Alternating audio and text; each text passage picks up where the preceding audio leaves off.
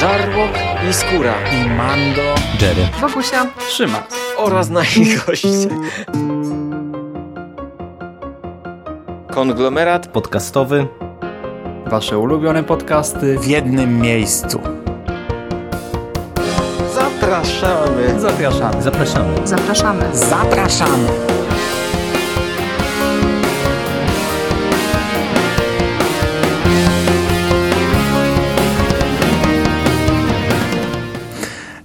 Witamy w kolejnym odcinku konglomeratu podcastowego. Dzisiaj jest ze mną e, znów Rafał Sieciński, SIG, cześć. Cześć Mando, witam wszystkich słuchaczy. Bardzo miło mi Cię słyszeć. No, mnie również. Dzisiaj będziemy znów rozmawiać o e, superbohaterszczyźnie, ale trochę inaczej. E, od dłuższego czasu chodziło za mną, by w końcu e, zrobić recenzję tak naprawdę Avengersów trzecich, których nie zrecenzowaliśmy przed rokiem. No wielka premiera, która mogłaby nam podbić tutaj statystyki jak, jakoś tam, wiesz, minimalnie, a, a myśmy tego nie zrobili. E, chodziło za mną, żeby to zrobić i tak ten pomysł się rozszerzał, rozszerzał cały czas. E, w pewnym momencie wymyśliłem, żeby przed Endgame zrobić e, taki mini event, mm, czyli omówić wszystkich wszystkie trzy części Avengers, a potem czwartą. E, chłopacy się wykruszyli, Jerry i Szymas jakoś nie bardzo mieli czas, żeby w to wejść. E, Sik tutaj wyszedł z propozycją, że faktycznie możemy w to wejść, ale po co ograniczać się do Avengersów? No i w tym momencie rozrosło się to już całkowicie, bo stwierdziliśmy, że podzielimy to sobie na fazy. Oczywiście, powiedzmy, tematem głównym każdego odcinka będzie Avengers, ale sobie powspominamy cały całe mm, kolejne fazy, trzy fazy MCU e, na takiej zasadzie, że my nie jesteśmy na świeżo z tymi filmami.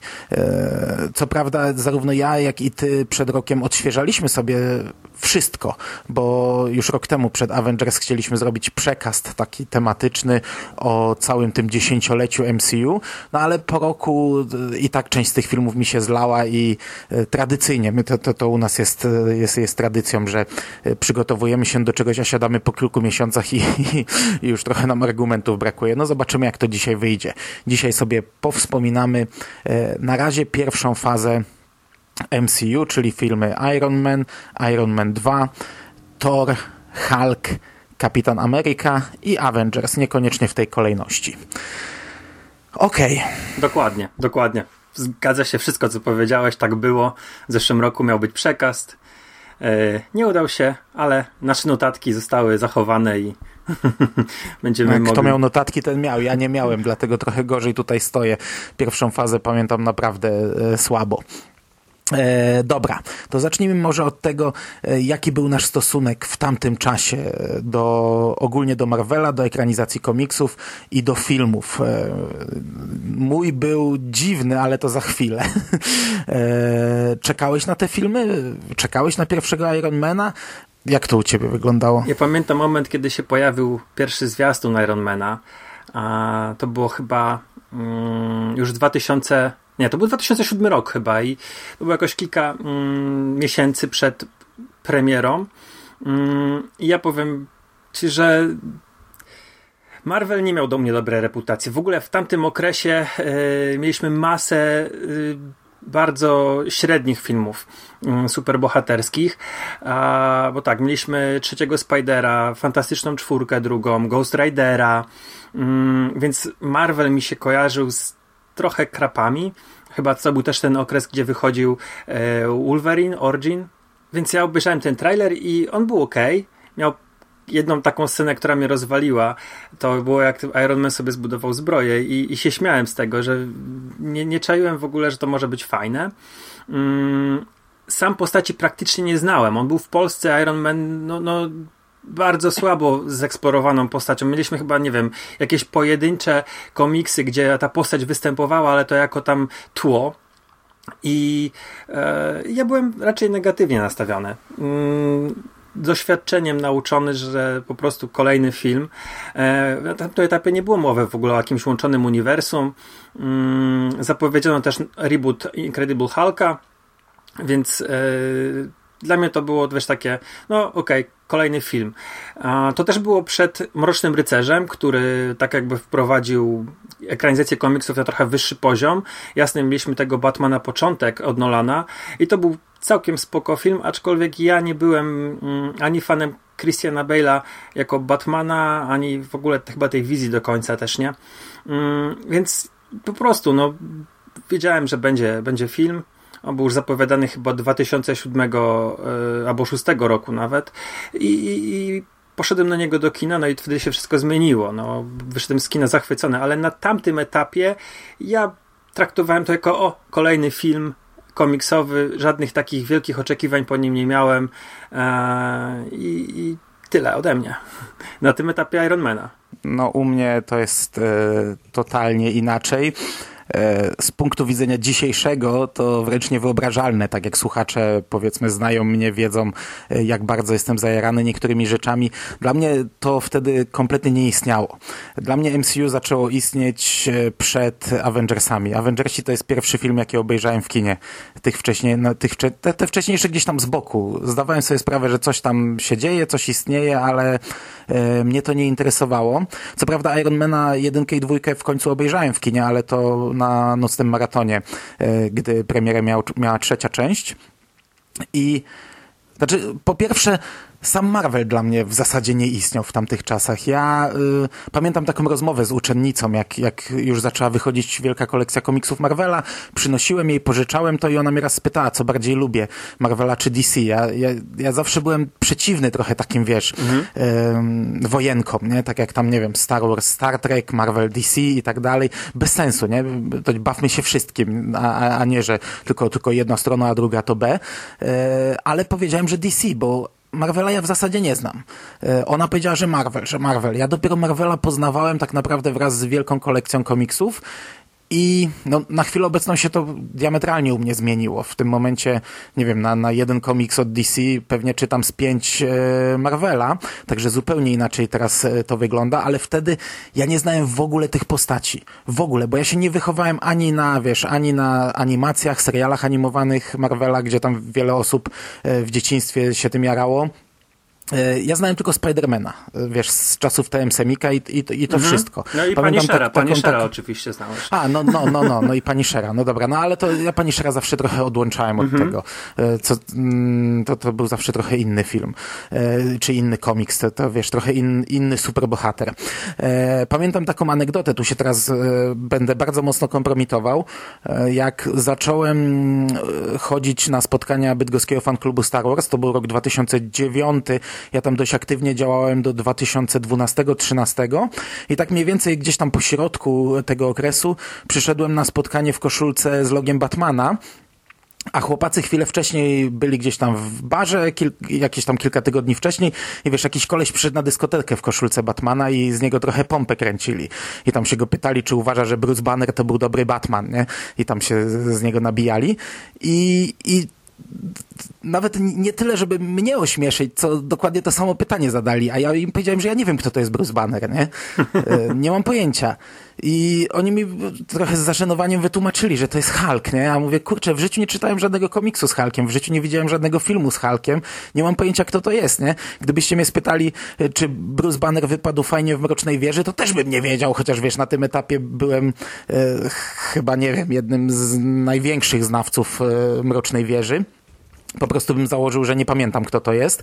I, i to podkreśla dlatego mówię, że to dziwaczne z, w zestawieniu z dniem dzisiejszym, nie? Jak, jak, jak mocno w tym siedzę. Mhm. Ja w Marvela wszedłem tak naprawdę przez MCU, ale w, nie na samym starcie, tylko troszeczkę później. Przez MCU i przez wielką kolekcję komiksów Marvela, które na nowo mi gdzieś tam przypomniały, jakie, jakie to fajne i pokazały, jakie to fajne jest. Ale te wcześniejsze filmy, wiesz, Iron Man, Thor, Hulk, Kapitan Ameryka przeleciały gdzieś obok i ja tych postaci nie znałem. Mhm. Wiedziałem, że, że, że jest coś takiego jak Iron Man, ale kto to jest, co to jest, jak to, z czym to się je. Hulk y, wiedziałem, co to za postać, ale nic o niej nie wiedziałem. Thor to w ogóle inna bajka. E, Thor komiksowy do dzisiaj dla mnie jest chyba najmniej znaną postacią. Ja takich samodzielnych komiksów z Torem nawet nie wiem ile przeczytałem, ale pewnie na palcach jednej ręki bym policzył. No Kapitana Amerykę kojarzyłem powiedzmy najbardziej, ale to też, też wiesz, też tak bardziej... Mm, patrząc z boku, no, mhm. wiedziałem, co to za postać, gdzieś tam trochę mi trybiła jego historia, a dopiero przed Avengersami zacząłem się tym jarać, także ja w ogóle nie pamiętam tego okresu, jak, że, że trailer się pojawił Ironmana, proszę cię, w ogóle nie pamiętam, jak Iron Man do kina wchodził. Ja miałem trochę inaczej, bo wiesz, yy, lata 90. to był wysyp mm, seriali animowanych i oglądałem oczywiście Spidermana, który był no, chyba najbardziej znaną e, animacją i X-Menów, który był świetnym serialem, mm, ale też się pojawił Silver Surfer, też się pojawił Hulk, też pojawił się Iron Man i no akurat tych już nie, nie śledziłem, ale rzucałem okiem i mniej więcej znałem te postaci. Hulka czytałem w latach 90. dwa komiksy z tego, e, wiesz, Mega Marvela Mm, co był wydawany przez TM Semik. Mm -hmm. I y, ja tej postaci nie lubiłem. Mm, dlatego też mówię, że znałem Ironmana jako tam postać drugoplanową, czy postać słabo, on się gdzieś tam przewijał w niektórych komiksach. Na pewno chyba w jakimś komiksie z fantastyczną czwórką on był. Ale y, to, że ja znałem te postaci, tak, że wiesz, mniej więcej znałem ich origin i mniej więcej wiedziałem, jak one wyglądają, to nie znaczy, że ja je znałem, tak, że wiesz, mógłbym cośkolwiek o nich powiedzieć. Y, Halka akurat miałem taki komfort, że znałem z filmu Angali, bo ja te wszystkie filmy komiksowe mm, na początku lat 2000 to bardzo e, e, chętnie oglądałem je i wypożyczałem sobie na DVD. To były jeszcze czasy, gdzie były wypożyczalnie DVD e, i, i tutaj miałem taki komfort, że już znałem tę postać, ale Iron Man jak wchodził, to dla mnie była totalnie nieznana mm, poza tą kilkoma odcinkami animacji postać e, i, i byłem raczej, raczej negatywnie nastawiony, szczególnie, że wiesz, dla mnie, z mojej perspektywy, y, film o, filmy o bardziej znanych postaciach, takich jak właśnie Ghost Rider, jak mm, Spider-Man, jak Fantastyczna Czwórka, które były, no jakoś tam chwilę wcześniej, no mówimy chwilę wcześniej, ale y, to było tam 2-3 lata wcześniej, mm, były słabe, i tak samo było z X-Menami ostatnimi, bo ostatni Bastion, bo tak można powiedzieć, że Singer swoimi dwoma mm, częściami X-Menów wprowadził trochę lepszą jakość filmy o komiksowe, ale e, ten trzeci, ostatni basen był dla mnie żenujący i no to taka, wiesz... Mm, takie dno już to było praktycznie, no, że, że tylko mogli właściwie albo utrzymać ten sam poziom, a no, bardzo fajnie, gdyby oni to właśnie wprowadzili trochę wyżej, tak się stało. No ale to widzisz, no ja to często podkreślam, że ty jesteś o kilka lat ode mnie młodszy, to znaczy może nie przy tobie to często podkreślam, ale ogólnie z ludźmi. Y, ja w latach 90. to był dla mnie taki okres, że duże rzeczy, które wtedy był boom na to y, wśród y, młodych odbiorców, mi, mi to umknęło. No, ale to byłeś punkiem, Wiesz, to się nie ma co dziwić, przecież grałeś no właśnie, no to chodzi. Żłopałeś no, nie no, to, ale, to, ale, to, ale to wiesz, śmiechy, śmiechy chichy, ale to o to chodzi też między innymi.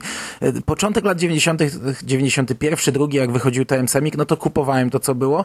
Pamiętam, mieliśmy takiego kolegę w podstawówce, to była czwarta, piąta klasa, jemu pęk kręgosłup, czy, czy coś w tym stylu.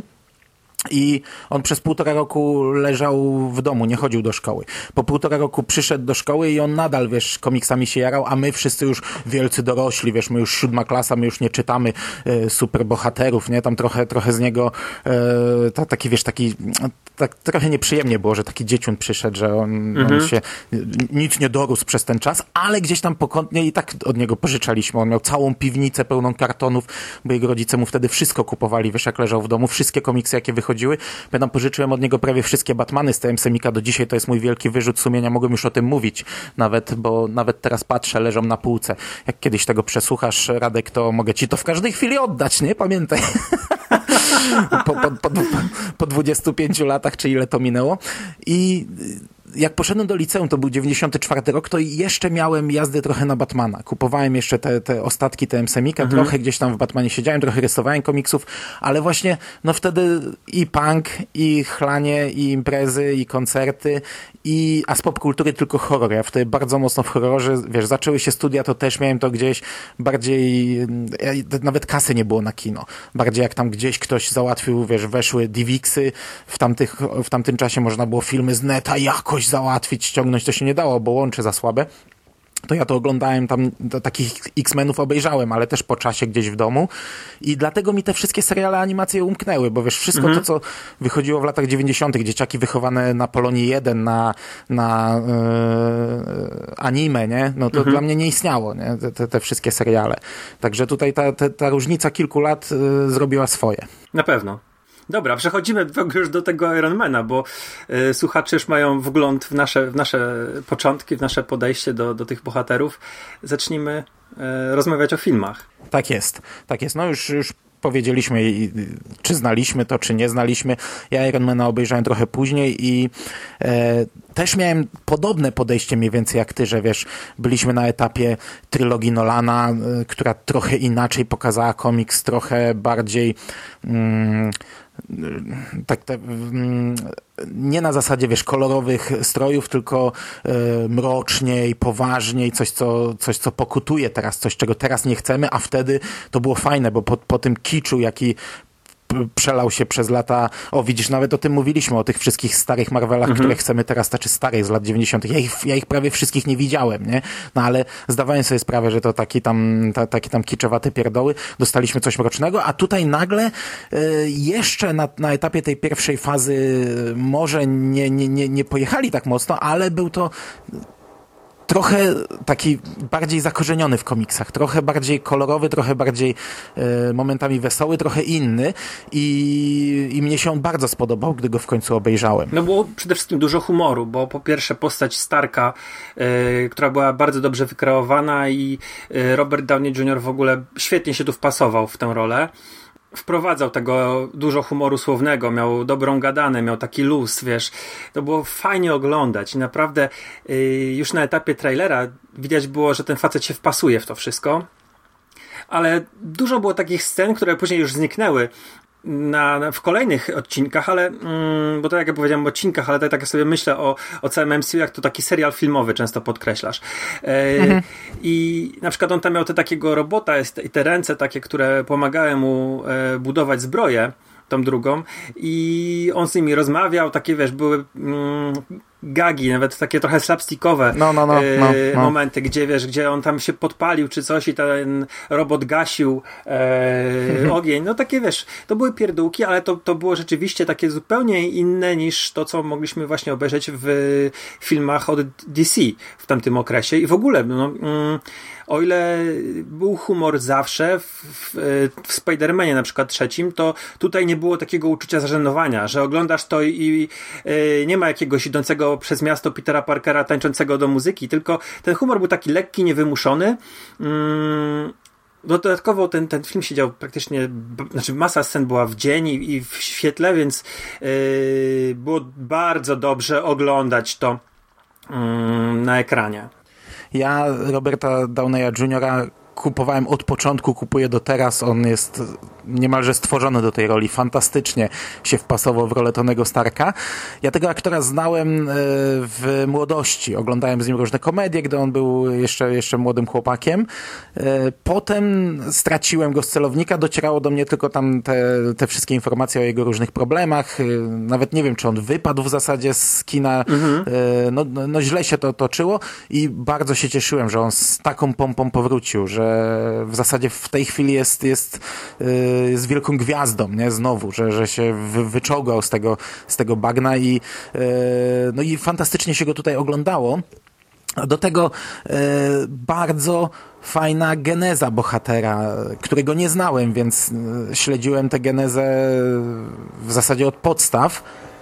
No, no i, no, no i to, to się oglądało naprawdę super i to się ogląda nadal super. Ten, film, ten film się, pomimo już teraz 11 lat na karku, e, się całkiem nieźle trzyma.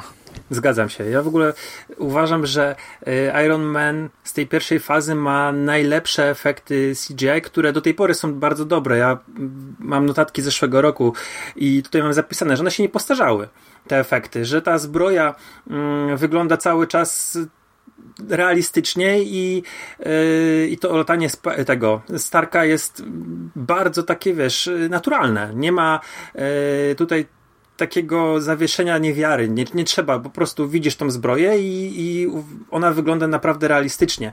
W całym tym filmie tylko mówię, miałem jedną, jeden zgrzyt już na etapie trailera i trochę, jak mówisz o genezie, yy, ja w, na tamtym etapie nie kupowałem tego. Czyli, że on jest zamknięty w jaskini, talibowie go porwali i on konstruuje e, jakąś zbroję, wiesz, z reaktor łukowy sobie najpierw konstruuje, który sobie wsadza, wiesz, w pierś, a później ten reaktor za, zasila mu zbroję. Ja tego nie kupowałem e, na tamtym etapie, nie? Bo teraz już łykam to i to jest po prostu komiks na ekranie, więc takie rzeczy można mm, pokazać, ale wtedy miałem z tym taki spory zgrzyt.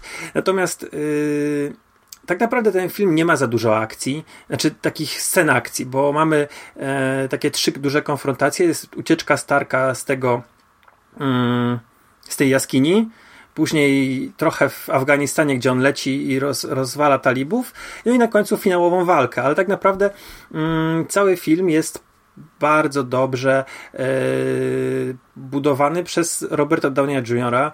i to jest taki właśnie mm, mi się wydaje, że naj, najlepsza rzecz, taka, taka, jeżeli miałbym wybrać z tego filmu, to właśnie to, jak ta postać jest budowana, ten origin jego, ta jego przemiana, wiesz, z faceta, który handluje bronią masowej zagłady, e, który, do, do którego dociera, że jednak mimo tych miliardów i geniuszu swojego, to całkowicie zapomniał o tym, co jest e, chyba najważniejsze, czyli bycie dobrym człowiekiem.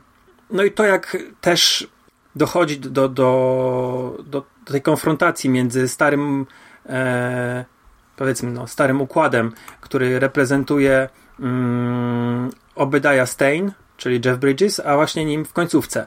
Ale też jedną rzecz chciałbym tutaj zwrócić uwagę, że ta motywacje Steina, czyli Ironmongera, yy, były takie dla mnie trochę dziwne, to znaczy wiesz, facetowi przykręcono kurek, bo ten cały przemysł zbrojeniowy Stark Industries e, odłączyło, nie? Mm, mieli się skupić na, na, na różnego rodzaju technologiach, no, energetyka, yy, tam mówi o ratownictwie i tak dalej. Yy, I wiesz, Stein generalnie podejrzewam, że był bardzo bogatym facetem i mógł z tym swoim skumulowanym bogactwem poprzestać i nie wyszłoby na jaw, że on handlował na boku z terrorystami bronią. E, Stark nie prowadził żadnego śledztwa, żeby sprawdzić, kto w firmie wyprowadzał broń. A mimo wszystko do tej konfrontacji doszło, bo e, no, Stein był po prostu chciwy i podły. I tutaj, wiesz, to jest taka trochę e, dla mnie, no. Mm, no, dziwna motywacja tego człowieka. I... No ale to takie życiowe, nie? Ja ostatnio w moich serialach omawiałem e, Narcos Mexico. E, historia prawdziwa, historia narkobosa z Meksyku, który też zbudował największe imperium marihuany, które funkcjonowało po prostu tak, że się w pale nie mieści i, i, i w, na najwyżsi ludzie na najwyższych stołkach tam byli, byli kupieni, a był chciwy i postanowił rozwinąć biznes o, o kokainę przemycaną z Kolumbii mhm. i posypało się wszystko moment, nie? No, pewnie masz Chociaż rację. mieli dziesiątki milionów na głowę tygodniowo z samej marihuany, która, która nikogo nie obchodziła, bo to lekki narkotyk. Mhm. Także, także to jest życiowe, nie? Jest życiowa motywacja. Ja, ja w tym filmie ogólnie duże rzeczy kupuję, tylko że też patrząc całościowo na Ironmana, bo na przykład strasznie podoba mi się relacja pomiędzy Tonem Starkiem a, a Paper Potts. Ona się rozwija z części na część. Y, tam nie pamiętam do jakiego etapu konkretnie to doszło w, w pierwszej części, ale bardzo fajna chemia pomiędzy tymi aktorami. Jeff Bridges też się sprawdza jako, jako ale mm, wiesz ten, w ogóle, ten... że Robert Downey Jr. Ja, nie, ja w ogóle jak to zobaczyłem, to miałem taki dziwny zgrzyt, bo e, Gwyneth Paltrow i Robert Downey Jr. byli kiedyś parą w latach 90. i to tak taką, wiesz, e, parą parą, że to na, na, na bankietach, na premierach się pojawiali. Ona chyba później odeszła do mm, do Pita, ale wiesz, yy, oni się spotkali po latach na planie tego filmu i rzeczywiście, tak jak mówisz, była chemia, było czuć w ogóle yy, fajne działanie między tymi postaciami. I jestem ciekawy właśnie, czy to też ich jakieś relacje w życiu prawdziwym, w tym yy, aktorskie ich układy się nie przełożyły na to, że wiesz, może się nadal przyjaźnili i, i to naprawdę fajnie zagrało. Tutaj fajnie, że to zwróciłeś na to uwagę, bo ja bym, bym to umknęło. No, bardzo możliwe, wiesz, jak, jak to upłynęło trochę wody w rzece, e, emocje opadły, to teraz e, może, może bez problemu mogli wejść w tę rolę. Zresztą to aktorzy to mhm. powinni wejść w każdej sytuacji w tę rolę.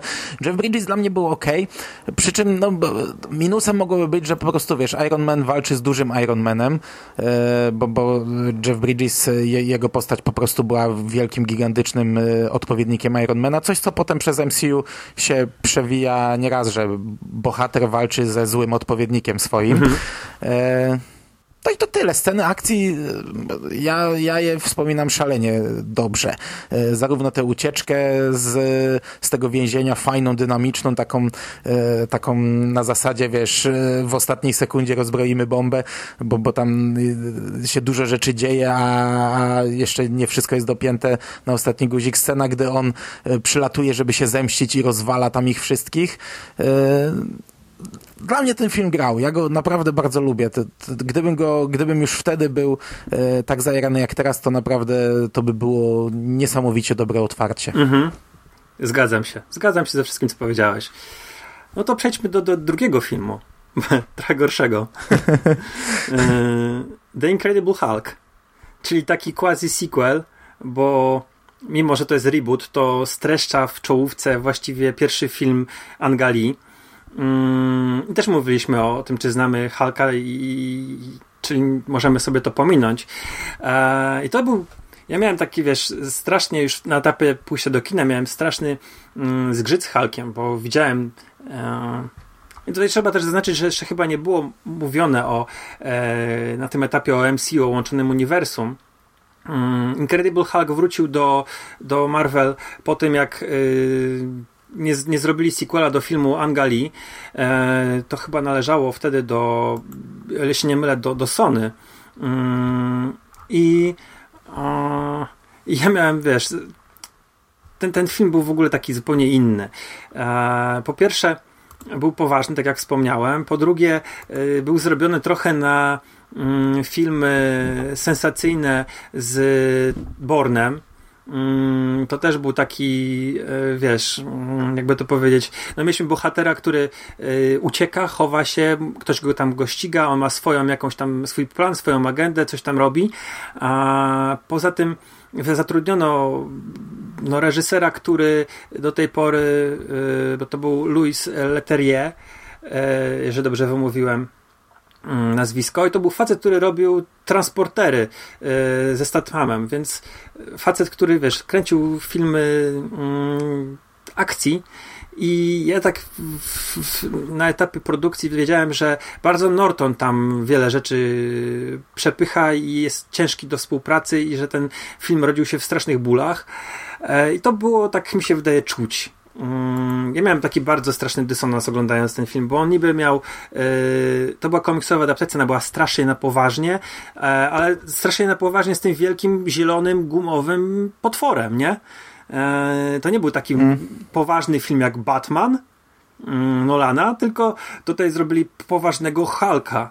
I, i tutaj, mm, nie wiem, masz jakieś takie też podobne myśli w, w tej materii? Czy... Ja, ja wiesz. Mm jak oglądałem to te, nie wiem, 10 lat temu, trochę mniej, e, to wtedy w ogóle się nagle najarałem na e, filmy superbohaterskie i oglądałem je masowo i wtedy też sobie hurtem obejrzałem oba Halki. E, ten, e, ten drugi jest o tyle dziwny, że właśnie tak jak mówisz, to jest tak troszeczkę jakby sequel. E, na, na, na, etapie wtedy, gdy jeszcze nie wiedzieliśmy, do czego to się rozrośnie, no, no spoko, nie? No, powstał film, który o dziwo nie przedstawia nam genezy. Zaczynamy gdzieś tam w środku. Ten początek nawet jest, nawet jest, jest fajny, jak on się tam ukrywa i, i ta kropla krwi mu spada do, do tego napoju. Ale gdy obejrzałem to rok temu, gdy już wiesz, miałem świadomość, że powstało 18 filmów, że powstał taki wielki serial, to ten film tak mi nie pasował do tego. On e, odstawał pod wieloma względami. Nie miałem wrażenie, że naprawdę na tym etapie jeszcze nie miano, nie, nie, nie mieli trochę pomysłu i, i jak mhm. to robić e, dość spójnie. Co prawda, wiesz, teraz czasami narzekamy, że te wszystkie filmy są na jedno kopyto, no ale tworzą e, spójną całość i, i w zasadzie też nie, nie, czy są na jedno kopyto, to też też inna kwestia, bo one się będą bardzo mocno rozwijać. Tak jak mówisz, ty na, na tym etapie ci nie pasowało, e, nie pasowało to ta geneza e, Ironmana, a przypomnijmy sobie, jak się pierwszy raz pojawili kosmici, jakie to było dziwne, albo jak mieli mhm. wejść Strażnicy Galaktyki, jak to nam nie pasowało, kurczę, jak to będzie, jak to będzie wyglądać, albo jak zapowiadano powoli trzecich Avengersów, gdzie mieli się w ogóle skonfrontować ze sobą e, bohaterowie z Ziemi, bohaterowie z kosmosu, gdzie sobie tego nie wyobrażaliśmy, a teraz jest to tak naturalne, że się w pale nie mieści. No ale mi się ten, ten e, Hulk rok temu strasznie nie podobał. On mnie strasznie męczył, wynudził mnie. E, nawet nie wiem, czy w pewnym momencie nie miałem problemów z przysypianiem na nim.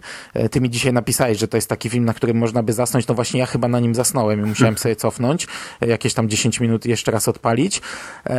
Do tego... Mm, te, te całe sceny akcji też są mm, takie męczące, słabe, bo znów mamy Halka wal, walczącego z gigantycznym Halkiem, z wielkim y, glutem dziwacznym i, i to jest taka rozpierducha, której ja nie lubię, taka wiesz, mucka nawalanka rozpierducha, która jest po prostu rozpierduchą.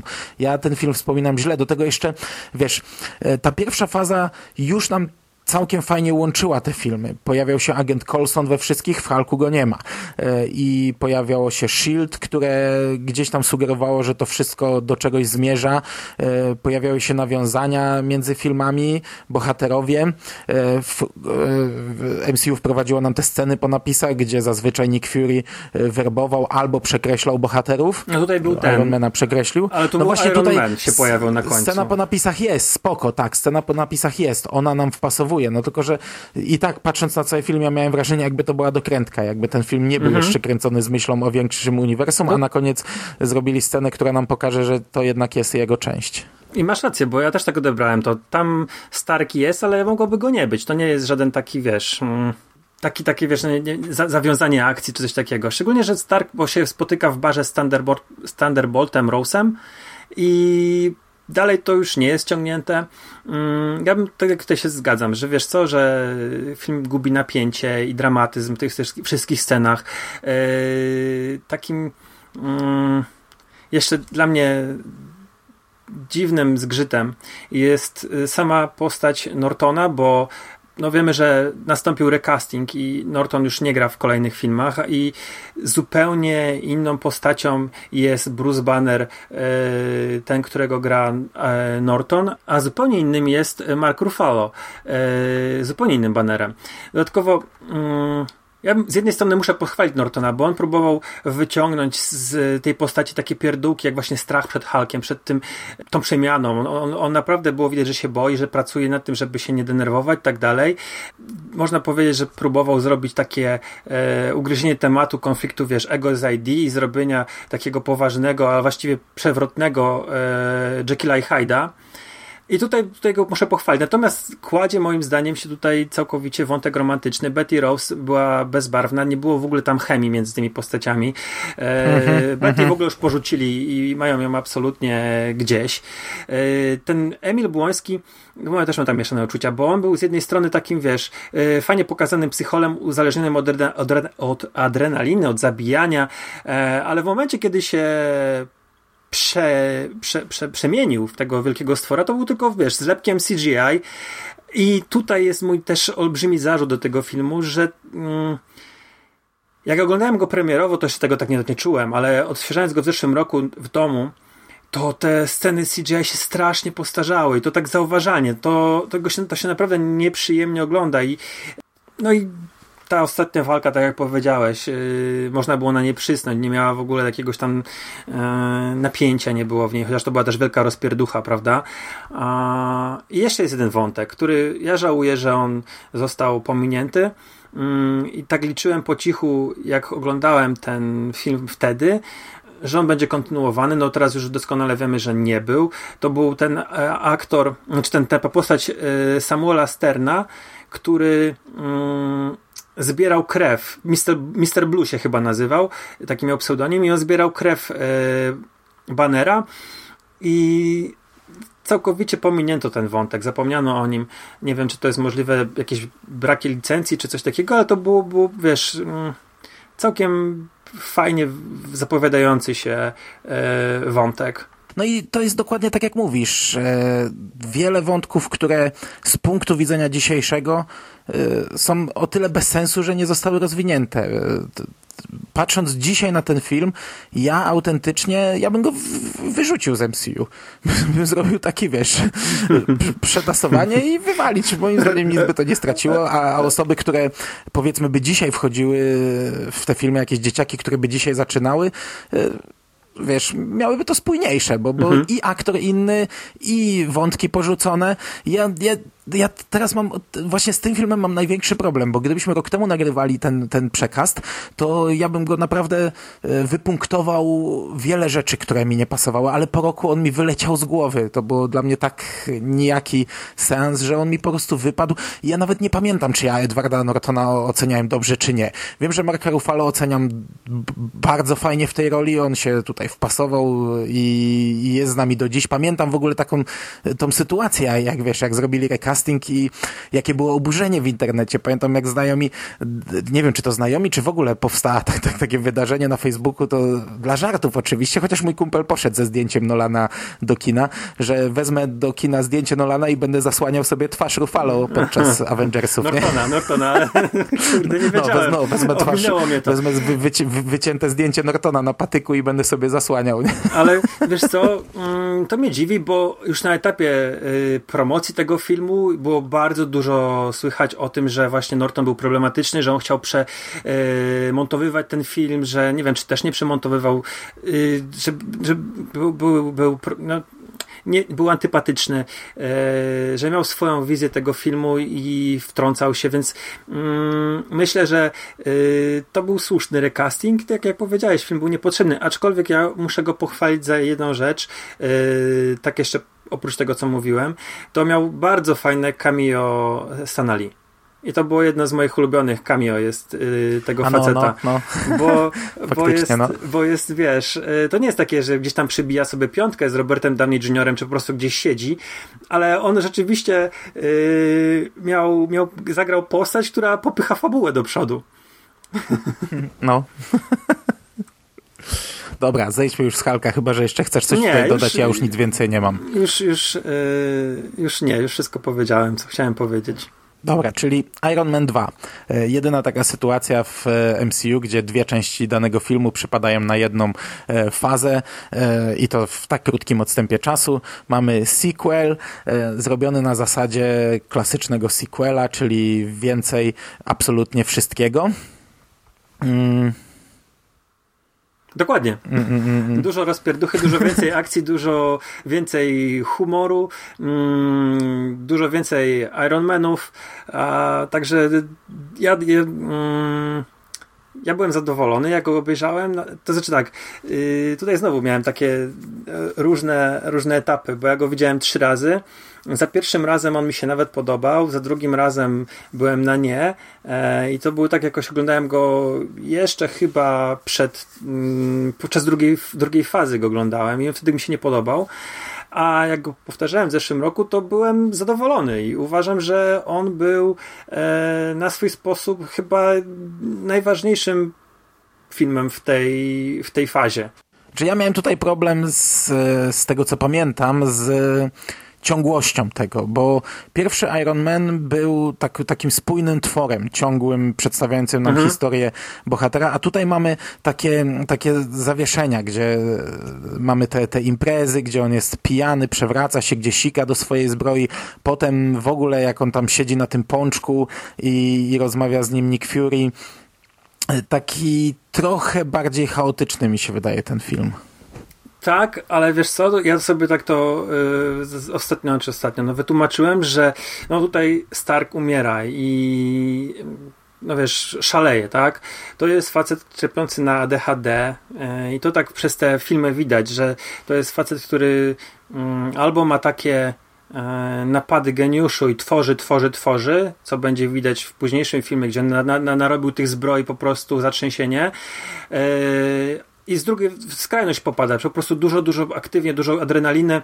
Mm, wcześniej on e, sypiał z modelkami, e, imprezował, e, a teraz no, spadł na niego po pierwsze ciężar, bo się ujawnił, jest Iron Manem. Po drugie, mm, ten reaktor łukowy, który y, ma w sobie, gdzieś tam go truje i ta trucizna e, no, zagraża jego życiu i, i, diagnostyka mówi, że nie zostało mu zbyt wiele, że jest coraz bardziej zatruty. E, I mi się wydaje, że wiesz, że Robert Downey Jr tym chaosie, który, który, który stworzył w tą postacią, on mm, zrobił to celowo, bo to był facet uzależniony. On, on wiedział, jak e, może właśnie tacy uzależnieni kompulsywnie działają, że wiesz, że e, budzisz się rano na kacu, to od razu jest działka, już od razu idziesz na imprezę, od razu chlasz, od razu rozbijasz auto i może tutaj jakieś swoje doświadczenia, przynajmniej wiesz, ja nie chcę tutaj jakoś tak wiesz, bardzo dywagować i, i mm, dobudowywać więcej niż, niż trzeba do tego filmu, ale ja tak sobie to tak tłumaczę, że ten chaos właśnie w postaci e, pajacowania Tonego jest, jest, jest zamierzony i e, no i on też potrzebuje tej adrenaliny, nie? Do działania, bo pierwsza scena, no to mamy wyścigi w Monte Carlo i e, co ciekawe tutaj w zeszłym roku oglądając to, e, tam jest cameo e, Ilona Muska. E, nie wiem, czy hmm. zauważyłeś, ale tak jest. No. I mamy mm, tak jak powiedziałeś, złota zasada sequela, wszystkiego więcej. Mamy wprowadzonego Fury'ego, już tak jako postać, która się pojawia nie tylko w scenie po napisach, ale też Black Widow. Pojawia się recasting na Rodiego i mamy War Machina już zbroi. No i mamy dwóch wilanów, e, Iwana Vanko Whiplasha oraz Justina Hammera. Ja bym się na chwilę jeszcze skupił na tych postaciach, które wprowadzili, czyli Fury'ego i Black Widow. Uważam, że e, to było bardzo Znaczy to było bardzo fajne, z, fajny pomysł Fury'ego i bardzo fajna rola e, w tym filmie Black Widow, bo ona zadziałała jak prawdziwa agentka, została wprowadzona do, wiesz, przez rząd do korporacji jako, wiesz, taki agent, który ma trzymać rękę na pulsie i to zrobiła rewelacyjnie. Dlatego też uważam, że to jest bardzo ważne w całym tym mm, w tej pierwszej fazie, bo on też pokazuje trochę jak działa tarcza, jak, na czym właściwie tarczy zależy, bo w pierwszej części to tam wchodzi Fury i mówi robię Avengersów, nie? I to jest koniec. A mhm, tutaj, mhm. no co to mieli być te Avengersi, nie? A tutaj mamy, wiesz, yy, pokazane, że to, to jest jakiś tam większy plan za tym wszystkim. No tak, no tak jak, tak jak e, pierwszy Iron Man był po prostu genezą, tak jak powiedzieliśmy, że drugi Hulk niekoniecznie pasuje do aktualnego obrazu, tak drugi Iron Man e, był takim pierwszym filmem, który zaczynał już faktycznie pokazywać nam, że to jest coś większego. E, pojawiają się bohaterowie, którzy potem będą istotni. To jest pierwszy film, który może nie tyle buduje drużynę, ale już mamy Ironmana i, i, i Czarną Wdowę. Czarna Wdowa nie doczekała się co prawda swojego filmu, ale wiesz, teraz to jest już normalne, nie? że na przykład idziesz na Spidermana, a tam kurde przez pół filmu Iron Man występuje nie? Mhm. razem z nim, bo to jest jedna, jedna spójność. Tutaj to była pierwsza taka sytuacja, pierwszy raz, że pojawiał się nam Nick Fury, e, w filmie pojawiała nam się Natasza. No, e, nie minie kilka lat, przyjdzie Zimowy Żołnierz i tam to będzie, będzie normalne, mhm. że masz film o Kapitanie Ameryce, a, a Nick Fury i Natasza tam w zasadzie grają główne role. No i jeszcze zapytam Cię, jak Ci się podobał recasting Rodiego, bo w pierwszej części e, Rodiego Jamesa Rhodesa. Terence Howard. Tak, Terence Howard, e, aktor oscarowy, a w, no, z, z recasting e, mm, w, nastąpił i mieliśmy e, w, w roli e, Rodiego Dona Chandla. Więc e, podobało Ci się ta zmiana, czy, czy, czy nie bardzo? Jak to odczułeś? Co, troszkę nieistotna. Na tym etapie, jak wchodził e, pierwszy Iron Man, tak jak już to wielokrotnie dzisiaj podkreśliłem, się skompromitowałem, ja nie miałem zbyt wielkiej wiedzy na temat Marvela i na etapie pierwszej części to ja w zasadzie nie wiedziałem, kim jest e, Rodney. Gdzieś tam w jakimś e, podcaście chyba usłyszałem, że ta scena, gdy on patrzy na szarą zbroję i mówi ostatecznie, dobra, jeszcze nie teraz, to, to jest dość istotna i śmieszna, bo to będzie właśnie War Machine. E, nie miałem problemu, wiesz, chociaż taki y, nietypowy, bo ci aktorzy wyglądają totalnie inaczej mhm. i zachowują się totalnie inaczej, ale podobało mi się ten, ten sam moment, gdy, y, gdy Rodney wchodzi, na scenę i jest pokazany cały czas tyłem, jak wchodzi do, na to przesłuchanie Tonego i, I to takie, każdy sobie zdawał sprawę, a mimo to sobie tak fajnie pograli, że my to jeszcze podkreślimy wam, że tutaj mhm. jest zmiana. Takie, takie ja przynajmniej odniosłem wrażenie. E, nie miałem wielkiego problemu na tym etapie jeszcze. Teraz jakby wymienili jakiegoś aktora, pewnie miałbym większy problem z tym. Mhm. No i mamy czarne charaktery. Iwan Wanko, facet, który chce ukarać Toniego za grzechy e, ojca, Starka seniora i Justina Hammera, faceta, który, którym może prawdopodobnie byłby Stark, gdyby nie został porwany w pierwszej części, nie doznał tych obrażeń, nie, nie, nie przeszedł tej przemiany, czyli facet, który chce za wszelką cenę zdobyć jakiś tam kontrakt wojskowy, chce mm, wprowadzić swoją technologię i y, zależy mu tylko na pieniądzach i właściwie zrobi wszystko, żeby, żeby do tego doprowadzić. Tak jest. Mickey Rourke jest świetny w tej roli. E, nie pamiętam swoich odczuć całościowo, ale, ale pamiętam epizodycznie. Scena, gdy on się pojawia na tych wyścigach jest fantastyczna, jak, jak on zaczyna tymi, tymi pejczami uderzać e, i rozcinać te samochody. Bardzo fajna scena. No zresztą on, fa on fajnie wygląda, pasuje do takiej mhm. roli na, na tym etapie, na którym jest, gdzie, gdzie już jest trochę starszym aktorem e, i, i, to, i to jak. I, no scenę miłosnej raczej nie, nie zagra, nie? Chociaż wiesz, zapaśniku zagrał, ale, ale no tutaj twarz już raczej nie będzie amantem.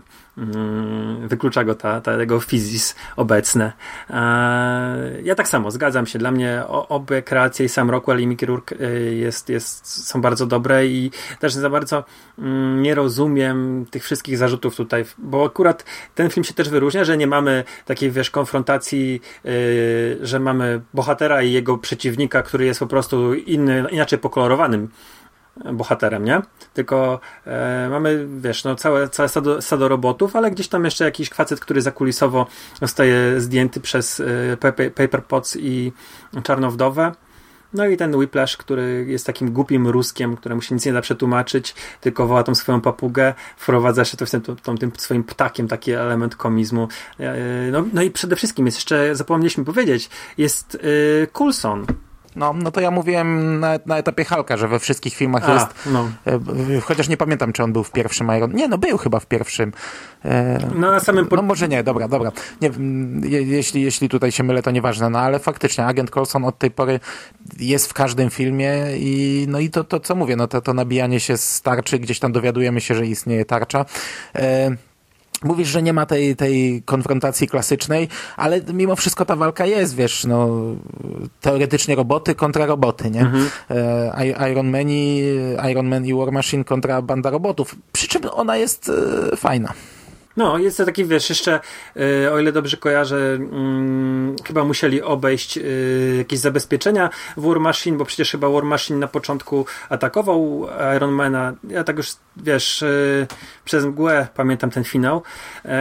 Jedna rzecz, którą mam w notatkach, która mi się strasznie nie podobała, to idiotyczne otwarcie, bo Stark Expo jest i lądujący Iron Man, w, wiesz, na tej, w tym chyba to było Las Vegas, mm, ale nie jestem czy Los Angeles i on, wiesz, skacz z samolotu, nie? Siedzi w samolocie, wyskakuje z samolotu bez spadochronu, co ta scena w ogóle jest bez sensu, bo przecież Iron Man lata, nie?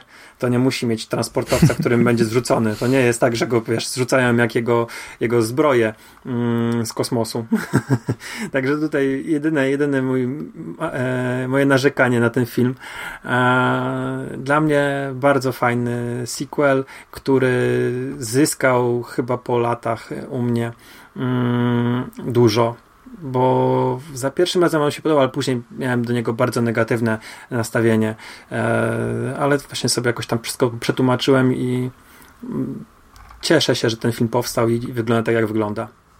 Tutaj jeszcze taki jest jeden wątek, który, bo już mówiliśmy o tym porzuceniem wątku w Halku, to tutaj jest taki porzucony wątek, który mm, był eksplorowany w komiksach, e, a którego już tutaj nie pociągnięto, bo na etapie Ironmana II w ogóle były takie zapowiedzi, że e, Iron Man to będzie taki film e, z MCU jak James Bond, że wiesz, że co mm, dużo odcinków i co odcinek będzie Robert, że Robert Downey Jr. czy kolejni aktorzy wcielali się w Starka i będą rozwiązywali jakieś takie, wiesz, sens sensacyjne intrygi i to było naprawdę w takich w newsach było mówione, że to oni chcą z tego zrobić taką serię jak James Bond, co, co wydawało mi się całkiem ok.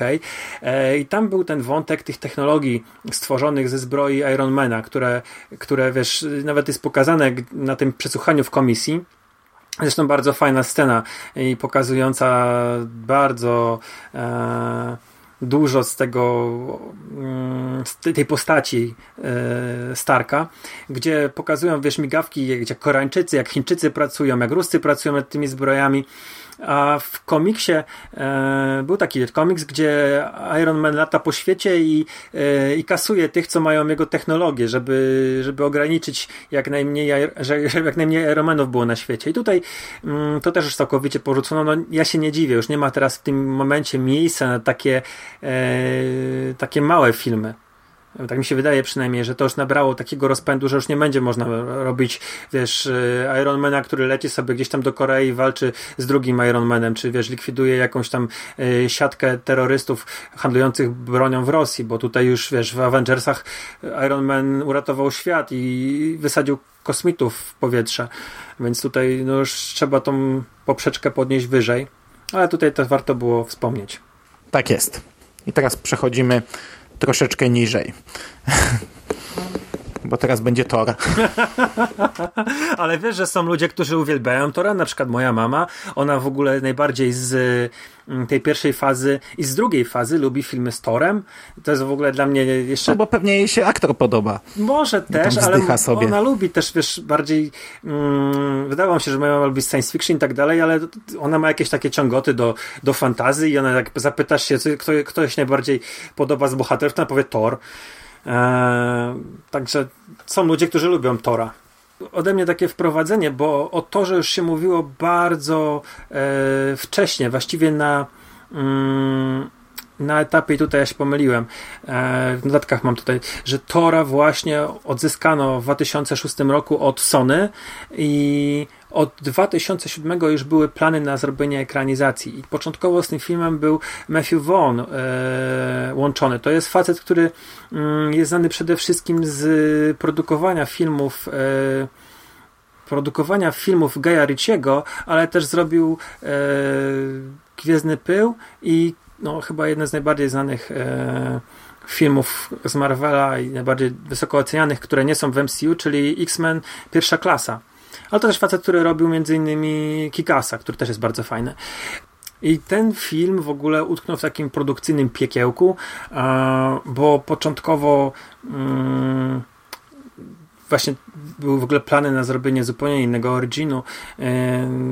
Zaczynać się miał na Ziemi, mm, Thor miał być facetem, który jest zamknięty w szpitalu psychiatrycznym i który, któremu się wydaje, że jest tym Torem i dopiero później się okazuje, że on miał rację, że zdobywa młot, leci tam na Asgard.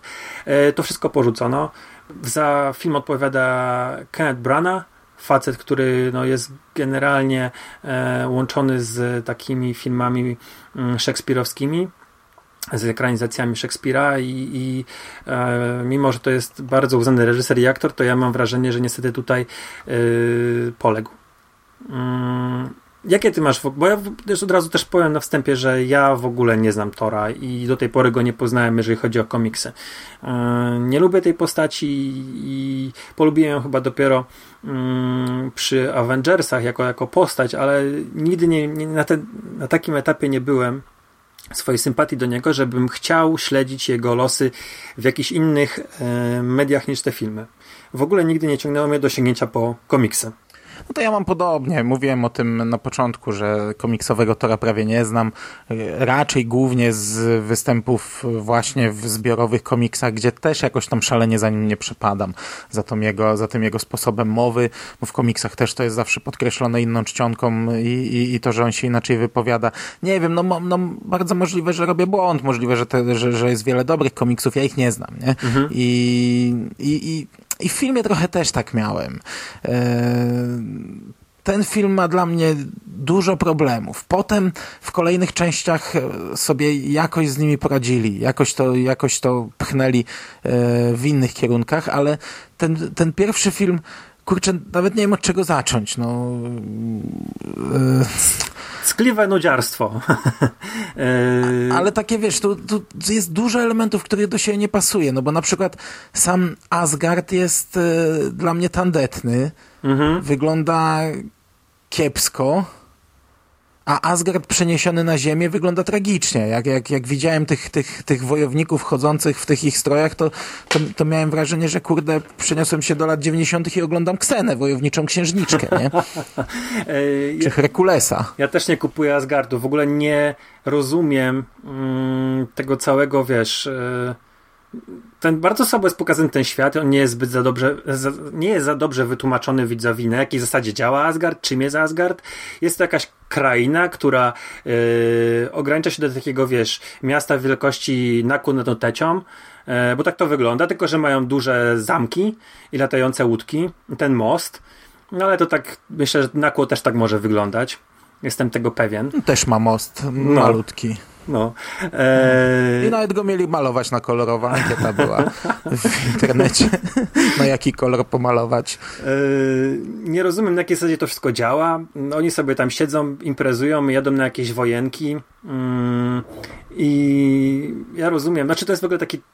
Od początku miałem zgrzyt z tym filmem, bo tutaj jest taki bardzo częsty trop, który ty akurat powiedziałeś e, ostatnio przy omawianiu mm, serialu Daredevil trzeciego sezonu, że mamy bohatera, który traci moce. I to jest ten trop, który jest bardzo charakterystyczny dla wielu takich właśnie e, filmów, że główny bohater ma supermoce i je traci, i jest taka droga do odzyskania tych e, mocy. Tutaj mamy dojrzewanie mentalne głównego bohatera, branie odpowiedzialności, nauczenie się odpowiedzialności, nauczenie się e, odpowiedzi- tego mm, jakiegoś takiego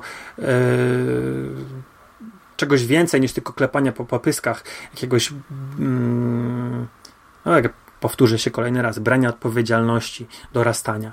E, I wiesz co, mnie męczyła ta pompa, ten Odyn, e, który, który to, to całe teatralne mówienie, bo chyba wybrali też dlatego e, Brana do reżyserowania, że chcieli zrobić taki, wiesz, teatralny trochę ten film, wiesz, te wszystkie sale tronowe, które były robione w CGI, e, co zresztą bardzo czuć, bo moim zdaniem CGI tutaj też się postarzało, a już naprawdę postarzało się w walce finałowej, gdzie mamy tą wioskę ze skrzyżowaniem, tam parę samochodów na krzyż i lądujący, wiesz, ten robot, który wygląda jak z dnia, mm -hmm. w którym mhm. zatrzymała się Ziemia i to wygląda naprawdę źle. E, to już wtedy w kinie wyglądało źle, ale mm, po tych 10 latach, jak sobie to powtórzyłem, patrzę po 8, to, to było ciężko mi to zaakceptować. I ten pojedynek finałowy był mało emocjonujący. A, mówię, mam strasznie takie ambiwalentne uczucia do tego filmu. E, bo z jednej strony trzeba powiedzieć jedną rzecz, że e, postać Tora e, i aktor, który się wcielił w nią, czyli Chris Hemsworth, jest. Yy, znaczy, sprawdza się tutaj bardzo dobrze i jest, jest fajną postacią. Jest. jest yy, gra to, co ma e, zagrać i jest wiarygodny w tym wszystkim i, i sympatyczny.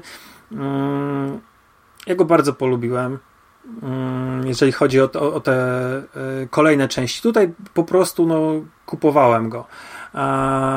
Natomiast jednej rzeczy nie kupowałem, to była Jane Foster.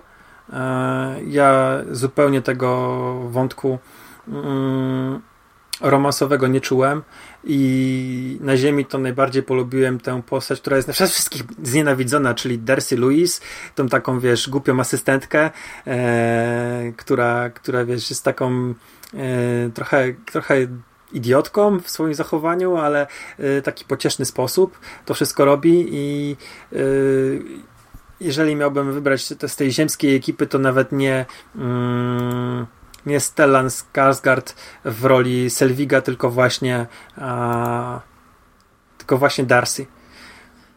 No i ja mam jeszcze jeden problem z tym filmem. E, ja nie cierpię Lokiego i ta postać Lokiego i aktora, który się w, nią, w niego wciela, dla mnie to jest e, największa bolączka każdego mm, filmu z Torem. Masz jakieś takie odczucia, No. czy, czy, czy... Właśnie cię połowa kobiecej albo trzy czwarte kobiecych słuchaczek, e, no słuchaczki są tylko kobiece, kobiecych odbiorców naszego podcastu e, odlajkowała. Nie, no ja mm, e, kolejno, to, to ja w zasadzie nie wiem jak ten film ugryźć, bo tutaj jest, są drobiazgi, które mi się podobają, są rzeczy, które mi się nie podobają.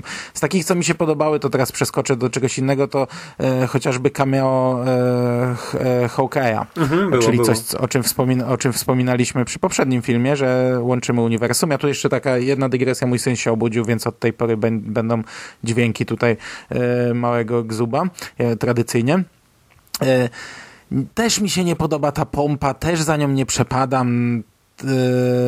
Nie podoba mi się to, jak to jest zwizualizowane, szczególnie na ziemi, gdy właśnie spadają ci nasi bohaterowie i gdy walczą z tym wielkim jakimś stworem strzelającym z twarzy, który idzie przez pustynię, on wygląda tam tak źle, tak tandetnie i ci bohaterowie też wyglądają tam tandetnie. Ta cała akcja na ziemi, przez to, że rozgrywa się na pustyni, no to jest taka trochę nijaka, sterylna i widzimy ludzi w dziwacznym cosplayu biegających po pustyni. E, Nie przepadam za tym, nie jestem fanem. Ten film jakoś tak... Mm, pomimo tego, że wprowadza nam nagle jakąś magiczną krainę, to ja zawsze mi się wydawało, że on, odbieram go trochę jako taki film w skali mikro. E, Gdzieś tam jakaś, jakaś popierdółka, jaka, jaka, jaka, jaka, jakaś walka na pustyni, wszystko, nie? Mhm. E,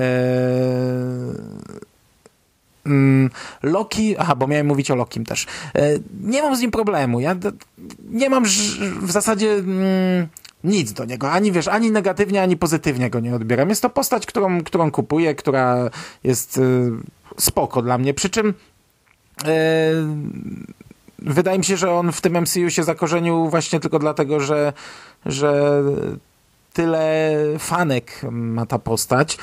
No ale to to tam na późniejszym, na późniejszą rozmowę, ewentualny, ewentualny temat.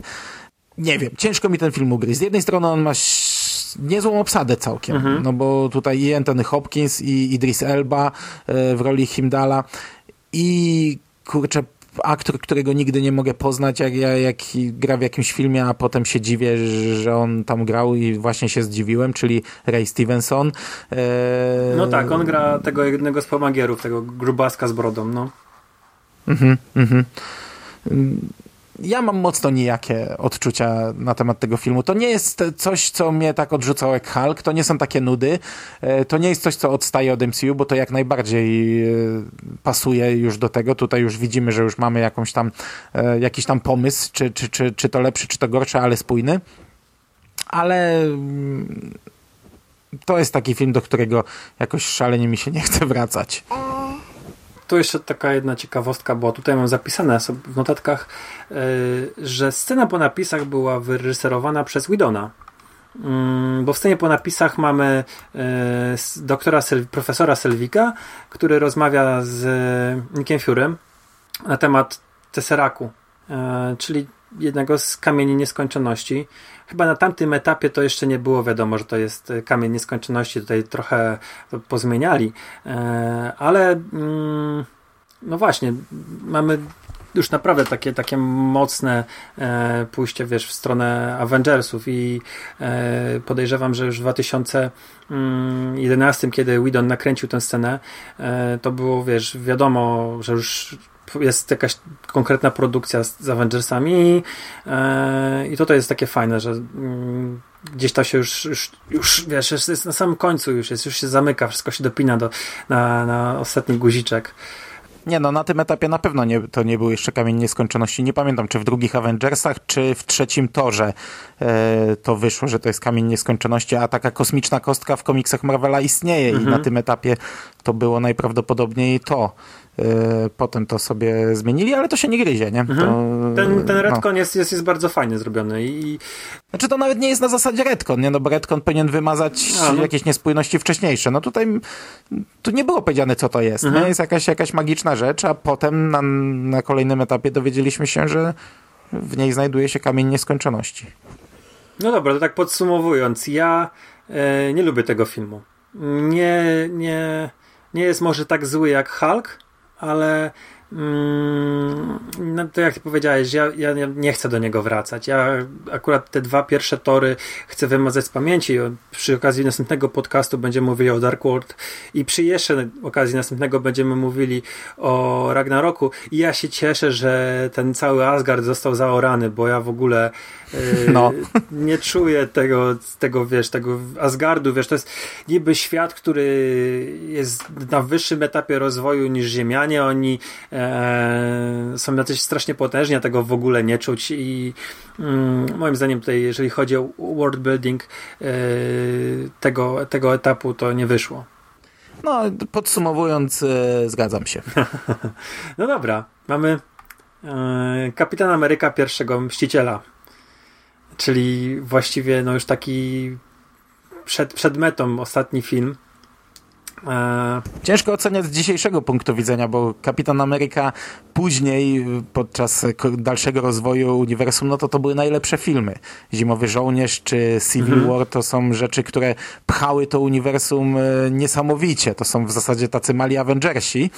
A tutaj mamy genezę. Genezę Steve'a Rogersa yy, i, no i też zupełnie inny film niż to się potem potoczy. Tak, i to jest też dla mnie duży plus tego filmu, że on jest zupełnie inny, e, jeżeli chodzi o. Znaczy, on naprawdę wyróżnia się na tle wszystkich filmów, wszystkich 20. Jest e, ten origin, jest taki, wiesz, w stylu e, kina nowej przygody i serialu o młodym Indianie Jonesie. I co jest ciekawe, reżyserem jest Joe Johnston, który yy, między innymi tworzył, reżyserował odcinki tego serialu, ale też robił bardzo podobny yy, w takim stylistyce i, i, film Człowiek Rakieta, gdzie też mieliśmy superbohatera, znaczy superbohatera, no bohatera y, z plecakiem odrzutowym, który walczy z y, hitlerowcami. Mm, I był, wydaje mi się, że był bardzo dobrze dobrany do materiału. Y, ten film jest kurczę, no ja powiem ci tak, pierwszy raz jak byłem w kinie, on mi się nie podobał i ja miałem tak właśnie z z tą końcówką pierwszej fazy, że byłem na torze w kinie, byłem na Kapitanie Ameryce i kręciłem nosem. E, jak wróciłem już znając Kapitana Amerykę w zeszłym roku i wróciłem do tego filmu, on mi się szalenie podobał. Był świetny. Od początku, mm, tak jak powiedziałem, w tym te, to, to, to kino mm, nowej przygody. Później trochę się zmienia, ale yy, mamy. Yy, tych, wiesz, Uber Nazi Komanda e, na takiej granicy, wiesz, e, realistyczno-komiksowej, że wiesz, że widać to jest e, taki jakby inna rzeczywistość, ale to wszystko wygląda bardzo spoko, jakby wyciągnięte, nie wiem, z, z, z gry komputerowej wiesz, że oglądasz fantazję, ale nie czujesz zgrzytu takiego poznawczego, że masz jakieś takie mieszane uczucia, bo widzisz jakieś dziwne zbroje napędzane e, jakąś dziwną energią. No ja ci powiem, że ja ten film dobrze oceniam. E, tak, wszystko to, co mówisz, no fajna geneza, e, fajnie skonstruowany film, do tego akcja no, rozgrywa się w zupełnie innych czasach, więc rozbudowuje nam już na tym etapie to uniwersum bardzo mocno rzeczy, które wcześniej były jakoś tam rzucone, czyli przeszło, nie przeszłość, tylko mm, Tonego Starka i, mhm. i to jak, jak, jak, jak to działało wcześniej. Tutaj dostajemy masę rzeczy, która potem będzie w takich mm, ta, rozwijana nie, nie na pierwszym planie, tylko gdzieś z boku. Czy to w filmach, czy w mm, serialu Peggy Carter, agentka Carter. Tak. Mhm. E, I ja lubię ten film. Tak, tak w skrócie na początek. Tutaj wspominasz właśnie ojca Howarda Starka, który on już tak też jakąś taką miał rolę mm, w przypadku drugiego Ironmana, ale tutaj fajnie to jest budowanie tego uniwersum z jego postacią. Y, dodatkowo ja uważam, że mm, jeżeli chodzi o zarysowanie charakteru bohatera, to y, Rogers wypada bardzo dobrze.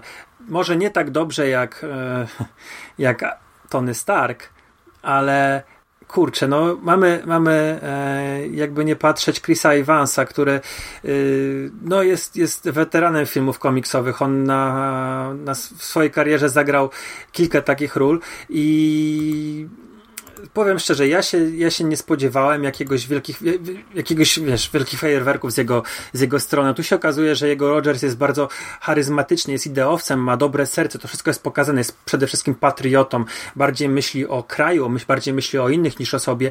I to później, to te, te, te cechy charakteru, które są podkreślone mm, w tym filmie, one są cały czas dalej rozwijane e, w każdym kolejnym filmie. Poza tym te nakreślone relacje z Buckiem, e, no kurde, później Bucky staje się Winter Soldierem i, i Rogers skreśla wszystko, żeby być po stronie Buckiego. I tutaj też to fajnie zrobili. Widać tą przyjaźń. Mnie się też bardzo podoba w tym filmie to, jak pograli sobie, wiesz, samą postacią kapitana, bo to jest taka postać mocno nie dzisiejsza. To jest bohater pewnej epoki, który, wiesz, no w pewnym momencie no mamy kolesia przebranego we flagę amerykańską, który, e, mhm. który no jest, jest czymś, co teoretycznie już w dzisiejszych czasach nie powinno się sprawdzać. I tutaj też zrobili z niego na początku e, taki. On, on działał po to, żeby siać propagandę, żeby, żeby robić te, te, te, te, te tę swoją szopkę na scenie i to jest fajnie e, mhm. e, zderzone z prawdziwymi żołnierzami, gdy on robi tę szopkę, robi przez jakiś czas, a potem nagle e, wystawiają dla prawdziwych żołnierzy, którzy reagują zupełnie inaczej. I wtedy ta, ta przemiana e, kapitana Ameryki, to jak on wbrew rozkazom idzie ratować e, więźniów, to też jest wszystko przerysowane, to jak oni wracają takim tłumem i wyłaniają się za tego pagórka i kapitan Ameryka im przewodzi przewodzi, ale y, to, to, fantastycznie gra, to mi się strasznie podobało i, i, i ten, ten przekrój przez kostiumy Kapitana Ameryki różne i wprowadzenie Howling Commando, którzy, to, to, to, to co mówię, to jest taki drobiazg, ale to jest coś, co zakorzeniło się potem w tym uniwersum właśnie tak delikatnie, bo i w Agentce Carter i chociażby na przykład w Spider-Manie masz nawet do tego nawiązanie, bo dyrektor szkoły Petera Parkera jest e, wnukiem e, Jima e, Mority, takiego Azjaty, jego gra Kenneth Choi i to jest właśnie członek e, Howling Commando. Tam przecież e, jest bohater Dum Dum e, Dogan chyba on się nazywa i jego gra ten mhm. aktor, który, którego znamy z Arrowverse. No, w Arrowverse kojarzy nam się tandetnie. On grał on, on grał w a, a, Arrow Damiena Darka i potem w legendach Legends of Tomorrow grał, no to już w tym śmietniku naprawdę w tej takiej, takiej mocno komediowej. tutaj gra poważniejszą powiedzmy rolę, no bo gra, gra jednego z tych żołnierzy e, dość istotnych i ten film gra mi naprawdę na bardzo Przy, wielu... Przerwę ci na no, chwilę, dobra? No. Przerwę ci, bo ten aktor, ja wiem, że on ma na imię Neil, ale nie pamiętam jego nazwiska, on jest jakiś Mac no, coś tam. I ja go pierwszy raz zobaczyłem w serialu e, Kompania Braci, gdzie też gra żołnierza, gra e, Baka, mm, który jest sierżantem albo porucznikiem i wiesz, to jest... Yy, to jest też fajne było go zobaczyć w tej roli znowu żołnierza takiego na froncie. E, takie do, do, dobrze dobrali aktora. No to nie jest zły aktor, to wiesz, e, mnie się kojarzy z Arrowverse, bo, bo powiedzmy głównie śledzę go w tym, ale on też grał w 1922 w ekranizacji Kinga bardzo dobrej, bardzo poważnej, grał bardzo fajną rolę, poważną ojca, który traci córkę. E, tak, no, no, no, to ogólnie to byśmy mogli akurat tę część podkreślać, bo w każdym filmie e, z MCU, jak, jak i tak naprawdę w większości filmów komiksowych, gdzieś tam jakaś plejada dobrych aktorów jest. Tutaj też mamy Tom, Tomiego Lee Jonesa, e, ale ogólnie, no, Kapitan Ameryka e, pierwsze starcie, to się tak nazywało po polsku, jest mhm. filmem dobrym. To jest naprawdę dobry film. E, to, co podkreślałeś, przyjaźń z Bakiem, ja na tym etapie nie znałem jeszcze tej historii, bo ja komiks Zimowy Żołnierz przeczytałem gdzieś tam między obejrzeniem pierwszego a drugiego kapitana, y, ale to nadal gra. To, to jest, tutaj mamy fundamenty do czegoś, co jest y, jedną z najfajniejszych rzeczy w MCU. No i też jeden z najważniejszych wątków e, w MCU wprowadza, czyli Hydrę, nie? Mhm. bo przecież Hydra to jest e, kilka filmów, ale też i serial, który agenci tarczy bardzo długo, długo są e, oparci no, na, na konflikcie są, z Hydrą. W, w, tym ostatnim sezonie w końcu Hydra też wychodzi. Znaczy tam to, to jest takie dziedzictwo dziedzictwo Aha. Hydry. To oni już się nie nazywają Hydra, ale są potomkami Hydry, działają jak Hydra, tak naprawdę mhm. są Hydrą. E, no i tutaj mamy to wprowadzone. Potem to się w ogóle fantastycznie zazębia, ale to do tego przejdziemy. Na etapie drugiego Kapitana Ameryki mhm. to już wtedy agenci tarczy się fajnie zazębiali z filmami. Na tym etapie to jeszcze, to jeszcze nie było, tak. I wiesz, jeszcze tak chciałem tutaj ostatnią rzecz powiedzieć. Właściwie dwie rzeczy, yy, bo nie wspomnieliśmy nic o Red Skullu, a jakby nie patrzeć, no to jest główny antagonista tego filmu i yy, ja uważam, że tutaj trochę go zmarnowali. To znaczy nie ma go za dużo, jest takim, wiesz, wilanem, y, który stoi gdzieś tam za konsolą i wciska guziki. I o ile cały film bardzo fajnie wygląda, jeżeli chodzi o efekty, mm, te wszystkie walki żołnierzy na froncie wyglądają bardzo spoko, o tyle ten ostatni y, akt i ta walka z bombow na bombowcu w bombowcu yy, mnie się nie podobała. Już o wiele lepiej to wypadł ten pociąg, który yy, podczas którego tam ginie Bucky. Natomiast ten, ten, ten, ten Red Skull i ten bombowiec na końcu to taki troszeczkę dla mnie jest e, takie, trochę taka łyżka, łyżka dziegciu, może nie, ale no mam tutaj ale wiesz co, no, nie wiem, ale też nazwać, no. Red Skull jest ciężką postacią do pokazania, bo to jest taka trochę wizualnie e, kiczowata postać, jak widzimy ją na ekranie. Mm, mhm. Myślę, że teraz y, na tym etapie MCU pewnie on by się lepiej wpasowywał, bo tam już mamy różne dziwactwa, różny, różnych kosmitów, ale tutaj mamy film wojenny, poważny film wojenny i widzimy kolesia z y, czerwoną twarzą, czerwoną czaszką, to to, to, to zawsze może się tam trochę gryźć, nie? Mhm. No może tak. No mnie to, wiesz, nie gryzło się tyle jego wygląd, co raczej jego niewielka rola. Natomiast yy, mówisz, że jest poważny ten film. Tak, zgadzam się, jest poważny, ma taką, wiesz, y, bardzo utrzymane w duchu patriotycznym i bardzo pozytywny, natomiast jest tam yy, też, jak wspomniałeś, dużo elementów humorystycznych. Ten kapitan Ameryka sprzedający bony wojenne, czy właśnie zapowiadający, wiesz, yy, występ dupeczek na froncie, yy, jest taki, taki właśnie taki humor lekki i ciepły i, wpasujący się w tamtą epokę i oglądało się to wszystko totalnie bez uczucia zażenowania i ja naprawdę też bardzo lubię ten film i uważam, że jest dobry i mm, jego się docenia z czasem, bo wiem, że wiele ludzi ocenia go w, w, tym momencie już raczej negatywnie, natomiast ja będę zdania, że jest jednym z fajniejszych originów w całym MCU i tym swoim właśnie innym stylem, innym, inną epoką wprowadza bardzo dużo dobrego dla, całej, dla całego MCU. Okej, okay, dobra. To przejdźmy do czegoś, co miało być tematem głównym, a minęła godzina 30, godzina 20. Przejdźmy już tak powoli chyba do y, zwieńczenia tej no to to była nasza droga do Avengers. tej, tej, pierwszej fazy, czyli do Avengersów. Ja tak jak powiedziałem, to był pierwszy film, który obejrzałem w kinie z tego worka. To był pierwszy film, na który już naprawdę czekałem, bo już wtedy byłem nakręcony.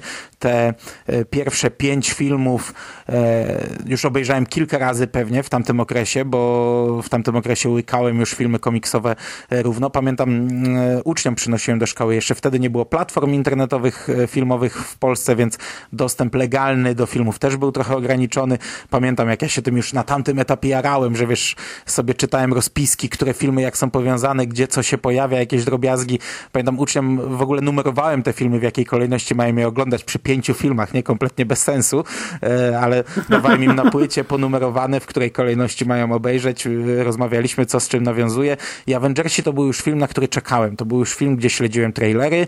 E, potem trochę tego żałowałem, bo te trailery bardzo dużo zdradziły. Teraz już, już wszystkich materiałów promocyjnych nie oglądam raczej przed e, premierą filmu ale też to jeszcze nie była aż taka jazda, bo pamiętam, pojechałem do kina i e, z myślą o pójściu na Avengers, a wybrałem drugi film Widona, który co prawda Widon nie był reżyserem, ale film był promowany jego nazwiskiem, był producentem. Poszedłem wtedy na Dom w głębi lasu, także Avengersów obejrzałem troszkę później. Za, za jakiś czas pojechałem drugi raz i obejrzałem mhm. Avengers, nie? Ale, ale to, to, to od tego momentu już się zaczął ten okres w moim przypadku, gdzie się tym jarałem. No ja powiem ci, że to ja byłem w kinie kilka dni po premierze. Nie jestem, nie jestem w stanie powiedzieć ile, ale yy, wiem, że była, wiesz, premiera. W ogóle to był ten etap gdzie jeszcze premiera e, kinowa w Polsce była miesiąc po mm, światowej. I wiesz, zewsząd z całego internetu już miałeś memy i tak dalej, więc ja ci się nie dziwię, że mogłeś trafić na, naprawdę na, na dużo rzeczy, które yy, psuły seans. Co ciekawe, w ogóle właśnie to, to było tak, że Dom w głębi lasu też był wcześniej w Polsce niż, niż Avengersi. E, ja też doskonale pamiętam, że weekend po weekendzie byłem na, na tych filmach e, i ja byłem zachwycony. Ja wyszedłem z kina, byłem z kumplami, pamiętam doskonale ten wieczór, bo, bo byliśmy w kinie, później poszliśmy sobie na piwo i ja w ogóle byłem tak nakręcony i nahypowany i wiesz, mówiłem, że to jest chyba najlepsza, najlepszy film komiksowy. Oni mi tak studzili bardzo, e, bo ja byłem pełen zachwytów, a oni mówili, nie, no słuchaj, tutaj to nie jest najlepszy film, no tam Iron Man był lepszy, nie? Ja mówię, nie, co ty, to, to jest w ogóle było fantastyczne fantastyczne kino i, i byłem w stanie, wiesz, yy, kłócić się z każdym wtedy. Na tym etapie to był. No bo to było coś, czego nigdy nie dostaliśmy. To było pierwszy tak, raz mieliśmy drużynę superbohaterów. Wiesz, ja pamiętam jak Arrow, to też podkreślałem z tobą w podcaście, jak Arrow zaczął mhm. budować na etapie drugiego sezonu. Pojawił się e, Red, Red Arrow, e, pojawili się inni bohaterowie i tam w końcówce oni idą grupą. To ja byłem podjarany niesamowicie, że mamy grupę superbohaterów, którzy walczą, a tutaj mamy film o grupie superbohaterów, wielki kinowy mhm. blockbuster, gdzie oni już powoli przestają udawać, e, że nie są filmem komiksowym, robią to fajnie, kolorowo, e, wiesz, e, wcześniej mieliśmy te filmy, gdzie nawet, kurczę, nawet nazwa superbohatera czasami była przemycana, bo to głupio go nazywać w taki sposób, gdzie kostium był robiony mhm. jak najciemniej, żeby to nie było w taki sposób, w taki tandetny, kiczowaty, a tutaj mamy pierwszy film, gdzie oni się już bawią tym całkowicie, gdzie mamy grupę e, bohaterów e, przebajerowanych, kolorowych, walczących z kosmitami, wylatującymi przez wielki portal. Ja byłem również tym filmem zachwycony wtedy. No, ale powtarzałem go w zeszłym roku. A już przy okazji tam kilka razy go na TVN obejrzałem, ale y, powtarzałem go w zeszłym roku i kurde, no mniej mi się podobał. I wiesz, nie mam mm, jakichś takich bardzo konkretnych zarzutów. Raczej chodzi mi o, o Wilana, Loki, ja tego gościa już jak powiedziałem przy okazji Tory, ja, ja, ja go nie trawię. To jest mój główny zarzut, że wiesz, że nie, nie, nie potrafiłem uwierzyć w, w to, że on jest taki potężny i że jest zagrożeniem. Nie, nie kupowałem po tym, o, tym powtarzaniu nie kupowałem tego jego planu, tego wiesz. Mm, to wszystko tak mu zagrało, bo to, to, to, to było, wiesz, tak jakby to był wielki plan jego, ale to wszystko było moim zdaniem zdane na przypadek, bo tutaj tak przekabacenie Hawkeye'a i Eryka Salwika, yy, później wiesz, liczenie, że tam będzie Hulk na helikarierze, yy, to, że Stark będzie miał akurat takie źródło energii, bo w tym momencie chciał w swoim wieżowcu zrobić ten reaktor łukowy, który zapewni dla całego Nowego Jorku czystą e, energię. I wiesz. Mm, i to jest takie trochę czepianie się, bo yy, mamy bardzo dobre widowisko i mamy naprawdę masę świetnych scen, masę świetnych bohaterów, aktorów, którzy wcielają się w tych bohaterów, a ja tutaj kręcę nosem, ale. Yy, Mam takie wrażenie i podejrzewam, że yy, wiele osób powie, że jestem dupkiem, ale ja mam takie wrażenie, że yy, Widonowi się pewne rzeczy udają, ale on tak naprawdę nie jest jakimś wybitnym twórcą, nie jest wybitnym reżyserem i a, akurat mu się tutaj udało ten sukces jest dlatego, tak jak powiedziałeś, że jest pierwszy film, gdzie mamy drużynę i wiele rzeczy tutaj wybaczyliśmy. Natomiast ja jego filmów, seriali nie, nie jestem fanem i yy, trochę może po latach właśnie Avengersi zebrali tego żniwo, że nie, nie lubię Widona. Ja, ja nie, ja tak nie odbieram. Ja oglądałem ten film w sumie dwa razy w kinie, bo jeszcze na tym maratonie Iron Manów on leciał przed, przed trójką. Mhm. Oglądałem go rok temu na Netflixie, gdy jeszcze, jeszcze nie wyleciał z Netflixa. Co ciekawe, na Netflixie on miał inny tytuł. E, Avengers Assemble i to normalnie była czołówka. Mhm. Tak jak się rozwija ten napis Avengers, tam się rozwijał taki. E, ja się nim bawię niesamowicie. Okej, okay, dobra, no z Lokim już powiedziałem, jaki jest mój stosunek. Tutaj spoko. Ja nie miałem z nim problemu. Miałem tyle innych ciekawych rzeczy w tym filmie, że e, to mi grało. Do tego ten film po pierwsze faktycznie jest budowany na takie... E, na takie sceny właśnie zaskoczenia czy coś, na, ta, na takie sceny napięcia, tak jak już sam początek, jak uwielbiam, jak, jak ta e, cała siedziba e, tarczy się zapada, oni wyjeżdżają, tylko kilka osób tam przetrwało, łączą się ze sobą i wtedy najazd kamery na Nika Furego i on mówi, że musimy uruchomić tam Avengers, czy uruchomić fazę kolejną i, i, i ta czołówka wchodzi. To samo jest na tym e, transportowcu, też to jest e, robione pod takie uderzenie silne. E, no i to samo w końcówce, a do tego Whedon, e, wiesz, ja akurat jestem fanem Firefly, może nie jakimś fanatykiem, ale bardzo lubię ten serial. To był serial o drużynie, o, o relacjach pomiędzy bohaterami, one tam świetnie grały i ja to czuję tutaj, to, to, to jest dość prosty sposób, nie? On tutaj nie miał drogi pod górkę. E, pierwszy film tego typu jest akurat, wydaje mi się, dość łatwy do napisania, gdzie mamy połączyć bohaterów, i sprawić, że drużyna się zespoli. Nie? Na początku są kłótnie, jakieś tam sprzeczki, e, połączyć ich w pary, e, te pary mają ze sobą tarcia, a potem coś sprawia, że oni jednak e, stają się tą drużyną. No i, i to jest taki film napisany według takiego schematu, według takiego szablonu, ale on mi grał. Jak, jak, jak ja widzę ten moment na końcu, gdy oni stają na ulicy, to co widzimy na plakacie, kamera leci w koło nich mhm. i oni w końcu tworzą drużynę, no to wiesz, to, to mi wystarczy. Ja tam serducho szybciej bije i jest jazda. Jak widzę, humor, też humor był fajny w tym filmie. E, Colson zbierający karty tak. E, Kapitana Ameryki, chociaż to jest spuentowane dość smutnie, ale na przykład w końcówce, gdy oni walczą w tym mieście, e, jest taka scena, jak Kapitan Ameryka wydaje całą listę poleceń jakiemuś policjantowi i on słucha, słucha i go pyta, ale kto ty jesteś? I wtedy nagle atakują kosmici, on rozwala tych kilku kosmitów, tam nie wiem, w 15 sekund i, i ten policjant już nie zadaje pytań, przekazuje tę listę poleceń kolejnym swoim podwładnym, e, to ja się zawsze na tym śmieję, nie? No, nie, nie wiem, no dla mnie, dla mnie ten film jest, mhm. jest fajny, jest fajny od początku do końca. Przy okazji przygotowywania się do tego podcastu yy, trafiłem na jedną rzecz i to tak jest, wiesz, to, to, to jest absolutnie...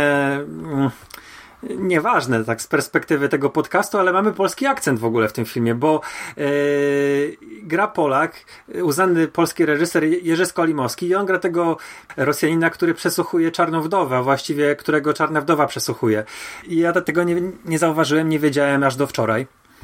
E, taki fajny, znaczy, fajny wiesz, polskich akcent. akcentów w tych filmach jest więcej. Jak się śledzi napisy końcowe, to tam się dużo polskich nazwisk gdzieś tam pojawia, którzy coś robią. Mój kumpel z fanklubu pracował przez jakiś czas przy MCU i w jednym filmie był podany w napisach końcowych, a pracował chyba przy trzech w sumie. No ja nie jestem fanem czytania napisów końcowych. ja nie, znaczy ja zostaję na teraz już A to jest dla mnie duży plus MCU, że... bo ja kiedyś, kiedyś byłem fanem oglądania napisów końcowych do końca, e, chociażby przez muzykę i, i w ogóle lubiłem siedzieć do samego mhm. końca, a MCU sprawiło, że dużo ludzi siedzi do końca. Tak, bo już często bywa tak, że wiesz, zostawałeś na sali i czekasz na tą scenę, to wszyscy wychodzą i obsługa wchodzi i, i stoją nad tobą, nie? A tutaj rzeczywiście już to te, te filmy mm, Disneya Marvel Disney. No już sama obsługa nawet mówi, jak byłem na pierwszych Guardiansach, to w IMAXie mówili przez mikrofon, prosimy nie wychodzić, będzie jeszcze scena po napisach. O, no to fajnie. Yy, o recastingu Bannera już rozmawialiśmy. Bardziej lubimy obaj. Ruffalo od, od Nortona. Eee, I tak naprawdę ja jeszcze tutaj chciałem jeszcze jedną rzecz powiedzieć. Dla mnie yy, największą właśnie, tak jak powiedziałeś o tym, yy, jak jak Kapitan Ameryka wydaje polecenia do policjanta, to tutaj dla mnie największą siłą jest ten bohater zbiorowy. Po wydarzeniach na helikarierze to zawiązanie się drużyny w Nowym Jorku ja najlepiej pamiętam i najbardziej lubię. I to jest bardzo fajnie spuentowane tym, jak oni jedzą tam, nie wiem, szarmę czy coś tam, nie pamiętam jak się nazywa. Yy, I no. wiesz, są tacy już, wiesz, te, te, cały Nowy Jork jest tak rozwalony, a oni siedzą i jedzą mm, yy, kebab. Yy, I to dla mnie no, to jest taki highlight cały czas tego filmu, gdzie wiesz, on, Kapitan Ameryka zaczyna wydawać polecenia, oni yy, zaczynają się rozdzielać, wiesz, yy, ba Hulk, Banner skacze i na tę wielką gąsienicę. Stark prowadzi tych, tych kosmitów w miejsce, gdzie, gdzie są ewakuowani ludzie. To też warto podkreślić, że oni mimo wszystko w tym Nowym Jorku mówią o, nie, nie tak bezceremonialnie podchodzą do rozwałki, tylko mówią, musimy chronić ludzi, więc ty chroń tutaj, ty chroń tutaj, wyprowadźcie cywili. No to jest super, że na to jest zwrócona tak. uwaga bo to było sednem e, superbohaterszczyzny, sednem komiksów o superbohaterach.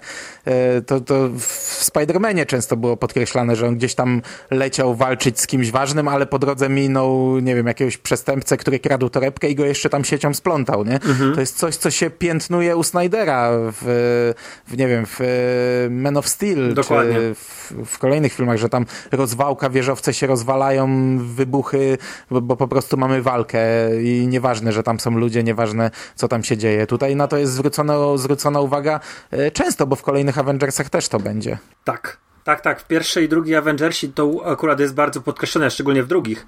Ta cała ewakuacja Sokowi. A jeszcze tak z ciekawości, bo jak uważasz, czy ten film się trochę postarzał, jeżeli chodzi o, wizual, o aspekty wizualne? Czy, bo jakby nie patrzeć, mamy olbrzymią rozpierduchę. Czegoś takiego chyba jeszcze w filmie komiksowym tak naprawdę do, tej, do tamtego momentu nie widzieliśmy. To te wszystkie akcje, sceny akcji w kolejnych filmach, może poza Iron Manem drugim, były raczej kameralne, no bo tak, Thor to była, wiesz, jakaś tam rozwałka na ulicach jakiejś wioski w Teksasie, czy tam w Nowym Meksyku. Trochę inaczej to wyglądało w Kapitanie Ameryce, ale tutaj mamy naprawdę, wiesz, taką, taką konkretną rozpierduchę. No, no. E, oglądając to w zeszłym roku, mm, miałeś takie odczucie, że to się zestarzało, czy, czy raczej to ci wszystko grało? Nie odczułem, ale ja mogłem oglądać to na jakimś małym ekranie, bo ja teraz głównie tak filmy oglądam, mhm. więc nie jestem tu ekspertem. Ja powiem ci szczerze, że... Yy tutaj miałem taki, taki, to zapamiętałem, że to nadal wygląda dobrze. Że mimo Halka. Myślałem, e, że inna nie, nie, nie. będzie. Nie, nie, nie, właśnie nie.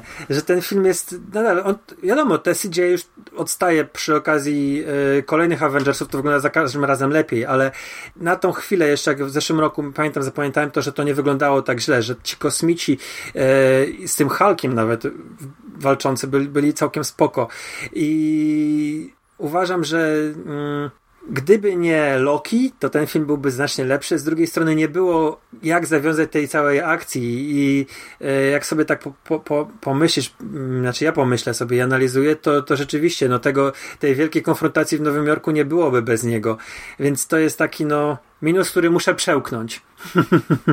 Ale też ma Loki jedną dobrą scenę, to jest to jak się banner pojawia na dachu e, Stark e, tego, tego Stark Industries e, wieżowca i, i go kasuje, to jest no. to, to jest, jest, fajna rzecz. która, która ma kontynuację parę lat później w Torze Ragnarok. W ogóle Banner ma też fajne sceny, tam raz na jakiejś skuterku przyjeżdża, mhm. raz Tora trzasną, no to taki żart umiarkowanie wysokich lotów, ale, ale fajnie się sprawdza. E, no faktycznie, no Loki był potrzebny chociażby po to, żeby Tora ściągnąć, bo, bo cała reszta może by się jakoś e, złączyła, ale żeby Tora przyciągnąć z powrotem na ziemię był nam potrzebny. Natomiast e, w tym filmie też pojawia się pewnym sensie pierwszy raz e, Hawkeye, czyli Clint Barton, no bo on miał swoje cameo w torze, no ale to tam mhm. Mm, to, to, to, był raczej smaczek, a nie, a nie występ. E, dla mnie super e, postać, super rola. Ja w ogóle jestem, wiesz, lubię łuczników. Od dziecka jestem wielkim fanem Robin Hooda, więc lubię tych superbohaterów, którzy są łucznikami i, i bardzo fajnie to jest rozpisane. Tutaj mamy chemię, relacje pomiędzy nim a Nataszą, no to potem się trochę zmienia, na tym etapie to są te postacie, które ze sobą e, grają. No, minusem może być, że przez e, dużą część filmu mm, Hawkeye jest takim zombie Lokiego. Mhm. No jeszcze z tych postaci, które się pojawiają, no to mamy pierwszy raz w scenie po napisach Thanosa pokazanego. To także to też jest, wiesz, bardzo ważny film i bardzo ważna scena i pff, kurczę, no taki robi, robi. Ja w ogóle na tamtym etapie nie wiedziałem, kto to jest Thanos. Nie czytałem żadnych komiksów z nim, nie wiedziałem, kto to jest. I trochę mnie to wtedy tak nie obeszło. Pojawia się jakiś tam czarny charakter. Wiadomo, już mieliśmy pewną drogę, przeszliśmy, wiedzieliśmy, że to będzie czarny charakter w jakichś późniejszych filmach. Ale e, powtarzając w zeszłym roku i oglądając tą scenę między napisami, bo tam chyba były trzy sceny po napisach, o ile dobrze kojarzę, na pewno były dwie. To już wiesz, już wiedziałem, to naprawdę serce mi zabiło, wiesz, nie, nie pamiętałem, że tam będzie Stanos i jak zobaczyłem go, to mówię, wow, ale super, to wymyślili. E, także tutaj też taki dla mnie, znaczy ode mnie spory plus. Ja pamiętam, że on jest, ale sceny nie pamiętam, ale to już jest ten etap, gdzie faktycznie wprowadza, zaczęli wprowadzać więcej scen po napisach, bo już od następnej fazy to, to też stanie się normą. E, to, jest, no to jest pierwsza scena, która pokazuje nam, że e, budujemy coś już na dużo większą skalę, bo cała pierwsza faza opierała się na tym, że wiesz, Kapitan Ameryka powróci w Avengers, nie? Iron Man powróci w Avengers i e, te, te sceny po napisach, na przykład scena po napisach w Kapitanie Ameryce, to to jest scena, która potem zostaje powtórzona w Avengers gdy on tam wali w ten worek, mhm. e, go, go rozwala. A Avengersi mają już scenę, która nam pokazuje coś, co, czego w, ówcześni widzowie kinowi w, mogli nie znać i większość pewnie nie znała. Ja nie znałem, ty nie znałeś. To jest coś, co y, ja przywoływałem przy y, ocenianiu e, Gwiezdne Wojny historię Han Solo, gdzie ludzie się wkurzali, że nagle nam Darta Maula wrzucili, tak bez sensu, w ogóle niezwiązanego z tą historią. No, e, identyczna, analogiczna sytuacja w Avengersach wrzucili nam Thanosa.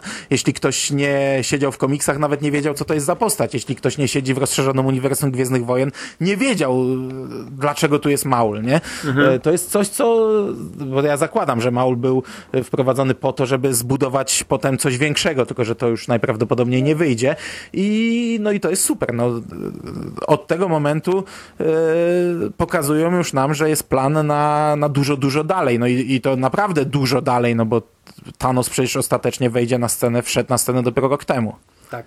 I jeszcze tylko jedną rzecz, bo warto wspomnieć, że pojawia się y, Cobie Walders, czyli agentka Maria Hill. Ona też y, będzie się przewijała przez kilka filmów i no też głupio byłoby jej nie wspomnieć, bo to jednak jest... A właśnie też miałem o niej wspomnieć, tylko już nie wiedziałem jak to wpleść, bo kurczę, ja ją lubię, wiesz, ja to jest aktorka, która w tamtych czasach była trochę zaszufladkowana, bo w tamtych czasach ona grała Robin w e, Tasiemcu, jak poznałem waszą matkę, więc e, mocno kojarzyła się z tą telewizyjną rolą.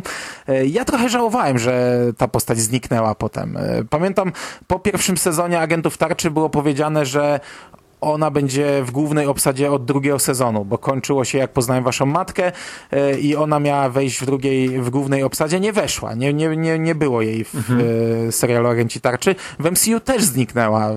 W, o, dlatego, między innymi nie, no, dlatego ona ja... Nie zniknęła, przecież była ale w wiesz, ale, ale, Wiem, no wiem, w Zimowym Żołnierzu była, ale, w Ultronie ale była. No, jest, jej, jest jej dosyć mało, nie? Ja się, ja się bardzo cieszyłem Aha. po e, Infinity War, jak ta ostatnia scena była, że ona się pojawiła i mówię, kurczę, super, fajnie, nie? Że, że, że ta postać nie zniknęła, że, że nie zrezygnowali z niej tak powiedzmy do końca. No pojawiła się jako cameo tak naprawdę, ale, ale, ale że nadal istnieje w tym uniwersum, funkcjonuje. No tak jeszcze podsumowując, e, my mówimy, że nie znaliśmy na tamtym etapie Thanosa i nie znaliśmy wielu postaci, ale też, kurde, tych komiksów mm, aż tyle nie było. Bo ja pamiętam, e, widzieliśmy się. No u nas, w Polsce. W Polsce, no to tak, mówimy o Polsce. To, dopiero, dopiero zaczynał się, zaczynał boom. się to, to, ten boom, ta złota era. No to tak, to, tak jak mówię, wie, dużo dobrego zrobiła wielka kolekcja komiksów Marvela, a ona dopiero wtedy startowała. Tak, ja pamiętam, wtedy się widzieliśmy w Warszawie w 2012 roku. Była chyba wtedy Polkon w Warszawie. Dobrze mówię? W 2012 był Polkon w Warszawie, czy 2013? E, nie, w 2012 był Polkon we Wrocławiu, gdzie we też Wrocławiu. się widzieliśmy. Mhm. Wtedy, wtedy, były Mistrzostwa Europy w Polsce i z tak. DF-ów zrezygnowali, a zrobili Polkon. I wtedy pamiętam, e, rozmawialiśmy na ten temat i rok później się widzieliśmy i tych komiksów już po roku było więcej. Także yy, mnie się wydaje, że Avengersi i w ogóle MCU w tamtym etapie napędziło koniunkturę i to jest wielka zasługa tych filmów i, i chyba Avengersów głównie, bo mm, jakby tak nie patrzeć, no to te, te, te filmy superbohaterskie e, cały czas były. No mieliśmy Spidermana, mieliśmy mm, Daredevila, mieliśmy kolejne tam jakieś filmy, e, Fantastyczną Czwórkę, ale one nigdy nie spowodowały tego, żeby tych komiksów nagle było więcej. Zupełnie inne były wydawane komiksy były raczej postawione na DC, na Vertigo, mieliśmy Kaznodzieje, mieliśmy Stona Boy, Mandragora. Yy, miała jakieś tam próby z X-Menami, yy, natomiast właśnie rok później, jak się widzieliśmy w Warszawie w 2013, to pamiętam, yy, no też wchodziło DC 52, New, New 52, e, ale mhm. też już były te na tych stoiskach Marvele i, i kurde, to było naprawdę fajne, e, że tych komiksów się pojawiało coraz więcej. I, i myślę, że gdyby nie e, właśnie to, to, to, to, to ta kumulacja, to, to, to, to stworzenia tej drużyny w Avengersach, to może ta cała szansa by przypadła bo to były kolejne, kolejne filmy, wiesz, takie komiksowe, nie? Tak, te filmy otworzyły dużo. No, ja sam zacząłem ten podcast od tego, że e, Marvela prawie nie znałem, a, a, a teraz kurczę powoli na regały mogę liczyć, ile, ile komiksów Marvela leży e, u, u mnie w domu. E, to, to, jest, to jest temat na osobną dyskusję, nie? Jak to się rozwinęło, bo przecież pamiętam na etapie trzeciego Batmana Nolana Pamiętam, jak Egmont wydał trzy Batmany jednego dnia i każdy kosztował stówę. I ja kupiłem je, zapłaciłem trzy stówy za trzy komiksy, nie? Mhm. Tam, na tamtym etapie tak komiksy kosztowały. Jak, jak weszła do Polski wielka kolekcja komiksów Marvela, to Mucha wycofała się na jakiś czas z komiksów superbohaterskich, bo mówiła, że nie jest w stanie konkurować z ceną. E, zmieniły się nakłady, zmieniło się podejście ludzi, komiks wszedł do e, mainstreamu. Oczywiście to też ma bardzo negatywne skutki, bo to, co e, widzieliśmy teraz na etapie wchodzenia do kin Kapitan Marvel, no to to jest skutek wejścia komiksów i filmów komiksowych do mainstreamu i to, i to moim zdaniem tylko i wyłącznie skutek tego, bo ludzie czekali przecież latami na samodzielny film o Czarnej Wdowie. Ludzie, którzy się tym jarają tak nieco bardziej, bardzo się cieszyli, gdy ogłosili, że będzie film o Kapitan Marvel, a gdy to nagle zaczęło docierać do świata, gdy pojawiły się trailery, to, to, to, to całe gówno się przelało, także to ma i pozytywne i negatywne skutki. No ale, ale reasumując, tak MCU zrobiło wiele dobrego. I, i, i, wiesz, można mówić, kurczę, na takie podsumowania to jeszcze przyjdzie czas, nie? Mhm. Można mówić różne rzeczy, dobre, złe, ale jest to ewenement e, również w, w kinie na skalę niespotykaną. Stworzono coś, czego e, do tej pory nigdy nie było i coś, czego już się raczej nie powtórzy, bo chociażby DC próbowało to powtórzyć na szybko i nie wyszło, nie? To, mhm. to już drugi raz raczej nikomu nie wyjdzie, bo, bo, bo temat się też trochę przejadł. Yy, znaczy, ja tutaj się jeszcze tak wtrącę, trochę się nie zgodzę z tym, że się nie udało nikomu wcześniej, bo wydaje mi się, że e, X-Meni całkiem fajnie ustanowili pewne rzeczy. To znaczy, e, miałeś trzy pierwsze filmy o X-Menach i ten origin mm, nieszczęsny e, Wolverina, a później przed, jakby nie patrzeć, coś, co można nazwać rebootem, e, czyli pierwszą klasę, ale były później Days of the Future Past, nie pamiętam jak to miało tytuł, gdzie połączyli e, starą obsadę X-Menów z nowymi X-Menami i to też wypadło fajnie. To też jest taki, wiesz, no jakby nie patrzeć, e, też świat stworzony mm, na e, po, po, poprzez kilka lat na, na podstawie kilku filmów i, i on zagra, zagrał wtedy. Trochę tak, ale, ale też nie do końca, bo to jednak jest jednak. No. I inne to, to nie są osobne filmy, to nie są teoretycznie oddzielone filmy, które łączą się w taki sposób, nie?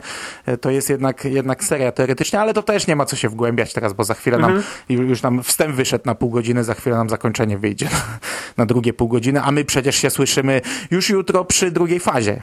Dokładnie, dokładnie. Także e, dzięki serdeczne za rozmowę. I słyszymy się za, za kilka godzin. Dziękuję Ci bardzo i tak e, przechodzimy do czegoś, co nam kurczę może zająć jeszcze więcej czasu, a już trzecia faza to już w ogóle, nie wiem, pięciogodzinny podcast chyba nagramy. E, dzięki za rozmowę, fajnie, że udało się nagrać. E, dziękujemy słuchaczom, mam nadzieję, że jakoś tam się tego dało słuchać, tego molocha, który nam wyszedł. E, do usłyszenia, cześć. Do usłyszenia, cześć.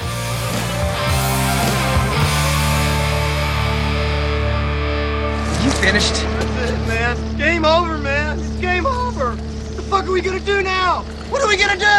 It's over. Nothing is over! Nothing! You just don't turn it off!